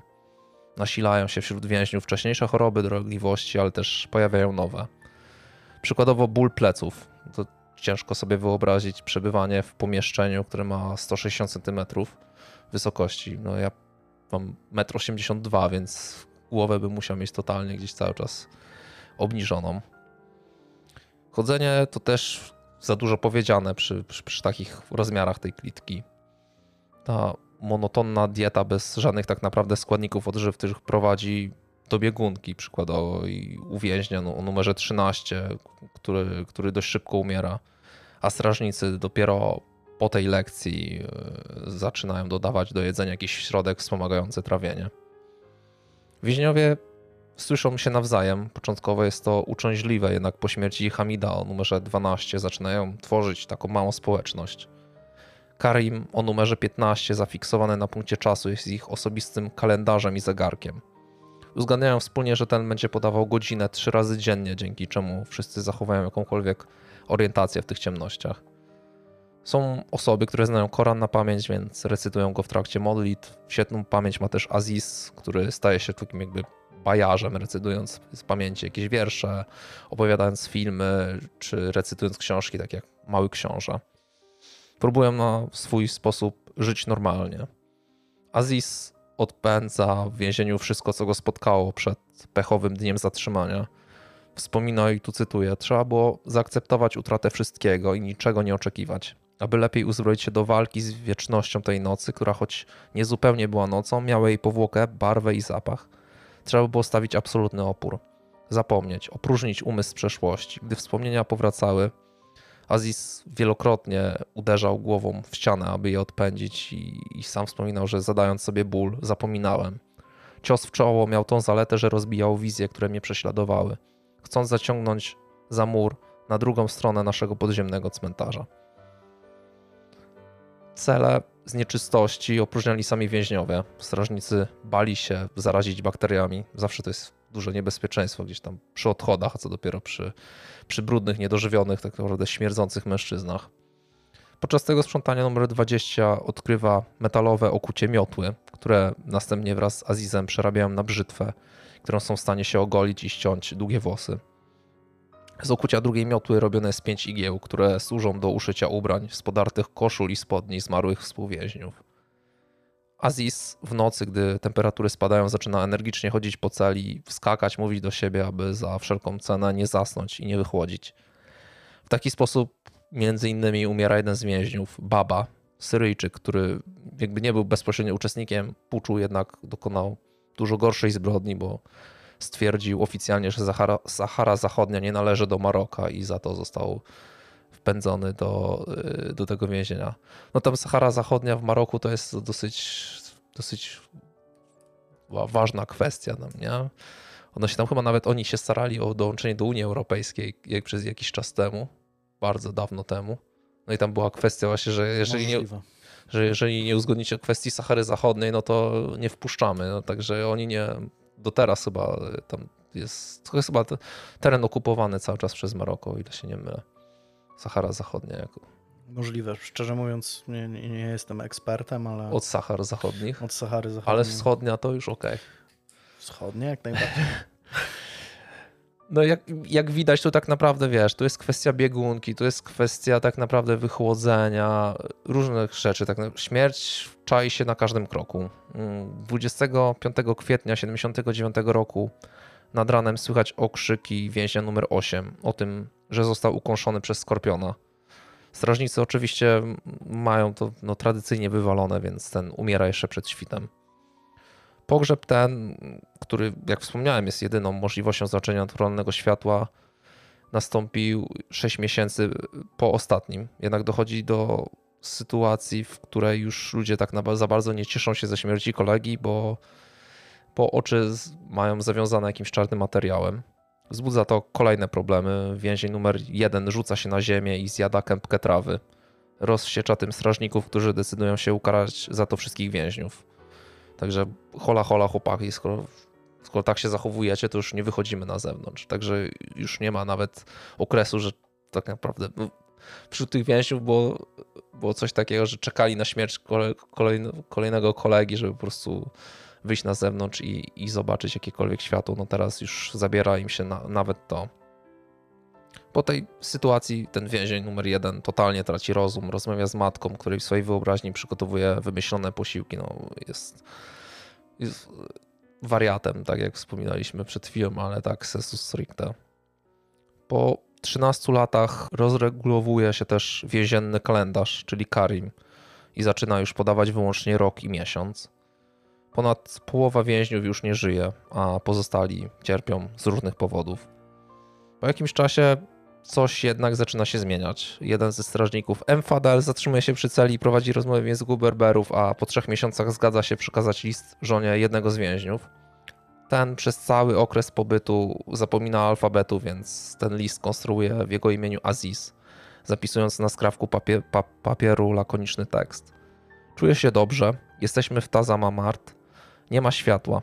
Dam Enfadelowi leki przeciwbólowe, Wakrin.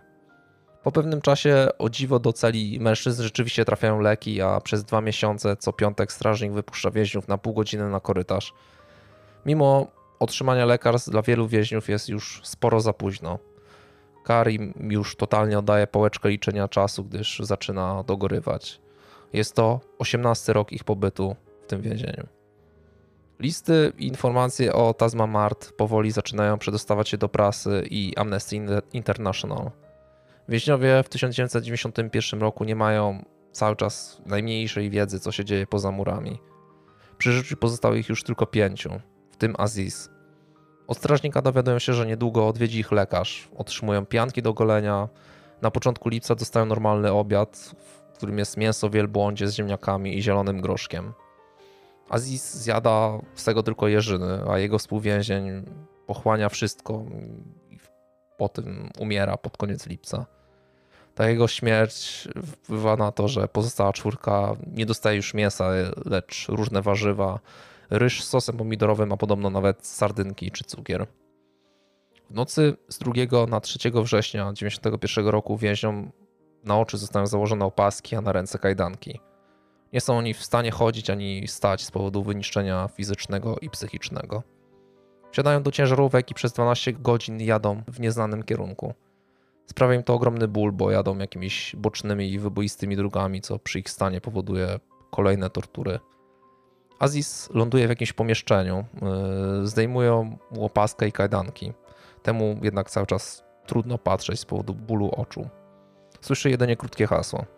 Drogi poruczniku, może się pan położyć.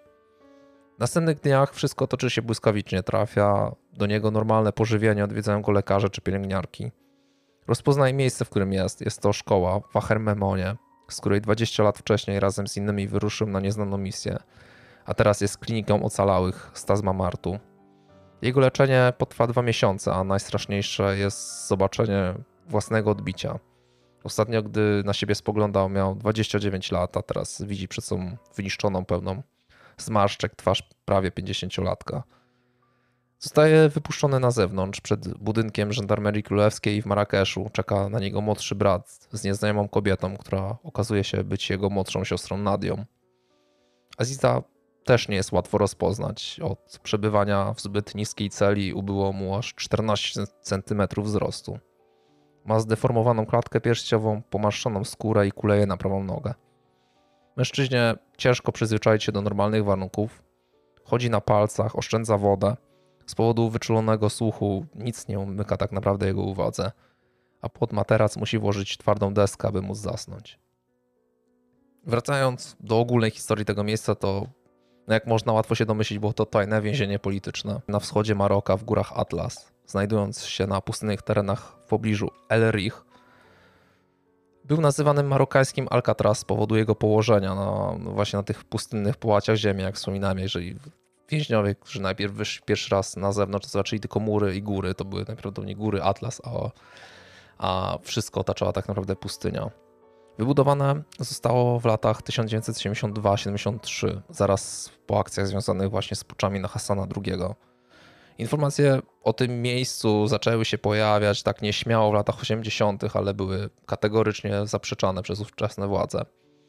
Dopiero po publikacji książki w 1990 roku Notre Armée Leroy ta sprawa stała się mocno publiczna, a w 1991 pod naciskiem organizacji międzynarodowych, a także niektórych obcych rządów król Hasan II postanowił zamknąć więzienie i uwolnić więźniów, ale oczywiście między innymi nakazał im nie mówienia w ogóle o tym, czego doświadczyli. Według samych ocalałych z tego więzienia jego dyrektor nazywał się Mohamed El-Kadi. Ten człowiek, ten dyrektor nigdy nie został osądzony ani nawet przesłuchany za to, co zrobił i wyrządził zatrzymanym. Jeżeli chodzi o, o źródła, oczywiście wiemy tylko o tym miejscu z uwagi na to, że nie, niektóre os- osoby, które przeżyły to więzienie, no to, to zdecydowały się o tym opowiedzieć. Yy, Głównie jest to właśnie Aziz, o którym wspominam. Zostały wydane dwie książki. Yy, Jedna jest jego jak- jakby osobistą książką, która została niedawno, yy, ona została wydana w języku francuskim, ale chyba w 2019 roku została prze, przełożona na język angielski, więc można ją znaleźć. W języku polskim znajdzie się tylko książka To ślepiące nieobecne światło. Jest to książka właśnie o Azizie, ale napisana przez marokańskiego autora Tahara Ben Yelouna. I tam właśnie można dowiedzieć się wielu rzeczy, chociaż jest bardzo takim artystycznym stylu zapisana. Ale tam rzeczy, które są opisane, są rzeczywiście przestraszne. Ja wi- wiele rzeczy om- ominąłem trochę, które, które mogłyby być za grube, no bo jak człowiek już sobie sam wyobrazi to klaustrofobiczne w ogóle miejsce, samo przesiadywanie w takim, takiej klitce i e, robienie pod siebie tak naprawdę, gdzie nie możesz się wyprostować i musisz leżeć cały czas na twardej ziemi, nie widzisz światła przez 6663 dni. No oczywiście były tam pojedyncze dni, gdy wychodzili na zewnątrz, tak, ale, ale całość jego pobytu to 6663 dni bez światła. Mm, Do tego je- jest książka Tazamat Sel y, 10. Jest to książka Ahmeda Marzauki, ale on był trochę krócej w tym więzieniu, on dopiero później do niej trafił, więc... Ale też jest mega ciekawa i, i, i też można się wiele rzeczy dowiedzieć i jeżeli ktoś jest ciekawy, to jak najbardziej polecam, żeby, żeby zobaczyć trochę więcej szczegółów. Jeżeli ktoś naprawdę jest takim, nie wiem, jakimś takim masochistą trochę, żeby, żeby posłuchać o tym, bo ja czasami jak czytałem, czytałem te rzeczy, to aż miałem takie dreszcze na zasadzie, mimo że nie mam problemu na przykład z klaustrofobią, ale jak czytam o tym, jak to, jak to musiało wyglądać i tak sobie wyobrażam, często jak coś czytam, to sobie zaraz mam to gdzieś w głowie, no to jest to takie, jest to przerażające, dość mocno przerażające. Hmm. No, straszna, e, straszna historia. Słyszałem o, te, e, o, o tym więzieniu, ale, ale nie tak ze szczegółami, więc, więc no naprawdę ciekawe. E, Maroko w ogóle jest takim, mam wrażenie, miejscem na świecie, o którym wiemy dość niewiele, nie? A, a jest niedaleko, nie? Przecież a tak, tak, naprawdę. a jest no. niedaleko i, i, i można by pomyśleć, że jest tak dość pod dużym wpływem takim europejskim, nie? To znaczy Marokańczycy bardzo mocno ży- żyją e, francuską piłką na przykład, nie? Czy hiszpańską piłką nożną. Oni tak się czują dość mocno e, Europejczykami, nie? Więc więc, więc to tym bardziej dziwne, że, że wiemy o Maroku tak, tak niewiele. A to bardzo, bardzo, bardzo ciekawe, ciekawe historie. No. Myślę, że, że o, o sprawie tego puczu i o, e, o tym więzieniu to, to, to, no to właśnie nie ma za wiele. em, No nie, tak naprawdę nie? jest, y, wiesz co, y, są ja też wstawię wśród źródeł raporty, na przykład Amnesty International, Mhm. które bardzo dużą rolę odegrało w, w tym, żeby, żeby to nagłośnić i żeby ci więźniowie rzeczywiście stamtąd wyszli, nie? O, mm, bo tak naprawdę samego bezpośrednio z samego, od samego rządu, no to no wiele, wiele rzeczy nie ma. No jest, widziałem jedno zdjęcie, jak to mniej, więcej miało niby wyglądać, ale oglądałem jakieś y, podcasty na YouTubie, które, miałyby, które były chyba po arabsku totalnie, ja nic nie zrozumiałem i ten opis też był taki totalnie niezrozumiały, ale trochę szedłem po hashtagach i wy, występowały tam niektóre zdjęcia, które się powtarzały w kilku, w kilku filmikach, więc wydaje mi się, że to zdjęcie gdzieś tam może, może być związane właśnie z tym miejscem, ale jest to zdjęcie nie bezpośrednio celi, tylko tego korytarza, od którego odchodziły różne cele. Yy, To zdjęcie na pewno też, na pewno gdzieś tam będzie u nas wrzucone. Nie jestem pewny na 100%, nie znam arabskiego niestety, ale, ale wydaje mi się na 99%, że, że to jest to zdjęcie. Jest, są zdjęcia oczywiście z lotu ptaka, tak, całego już więzienia, całego tego miejsca, y, zdjęcia samego Aziza na przykład, który, który jest tu jakby wiodącą postacią w mojej historii, no to jak najbardziej, jak najbardziej też niestety nie mam, nie ma, nie znalazłem zdjęcia jak wyglądał przed, przed tym więzieniem, mam dopiero zdjęcia jak już wygląda potem, bo wydaje mi się, że to by było ciekawe porównanie rzeczywiście, no jest, wiesz, jeżeli sobie pomyślisz o tym, że, że gościu jest niższy o 14 cm po tym pobycie, nie? Wydaje się to straszne. No, no, no taka mm, nietypowa, nietypowa historia, ale, ale straszna. No i kryminalna. No, kryminalne, no, trochę wiesz, to nie jest tak typowo chłopo nożem, nie? O, o to No bardziej pewnie. chodzi, no jednak Ale w tym się specjalizujemy. w tym się specjalizujemy. Ja bardziej dzisiaj historia chłop, chłop chłopa nożem, prawie że, ale... e, Ale więcej śmierci było jednak w tej historii tutaj, Tak, no bo tak, to tak, jednak no. w tym puczu tam e, o ile no, około setki wśród gości, około tam pewnie wśród tego puczu to też pewnie sporo osób zginęło, nawet tego nie ma za bardzo gdzieś w księgach, no bo jest to oficjalnie podawane gdzieś koło setki, no, Mhm. wiesz jak to jest w takich autorytarnych krajach, nie? No tak, tak, tak. Że to jest trochę zamiatane pod dywan. No tego więzienia też niby oficjalnie nie było. No, Aziz też został skazany na 10 lat, a jednak wyszedł trochę później. No, straszna, e, straszna historia. Na pewno sobie ten, sobie mm, obejrzę te, te, te zdjęcia. Spróbujemy znaleźć jak najwięcej i wrzucić je też na nasze e, media e, społecznościowe. I to by było na tyle. W takim razie widzimy się już niebawem i do następnego. Cześć. I zajrzyjcie na naszego Patronite'a.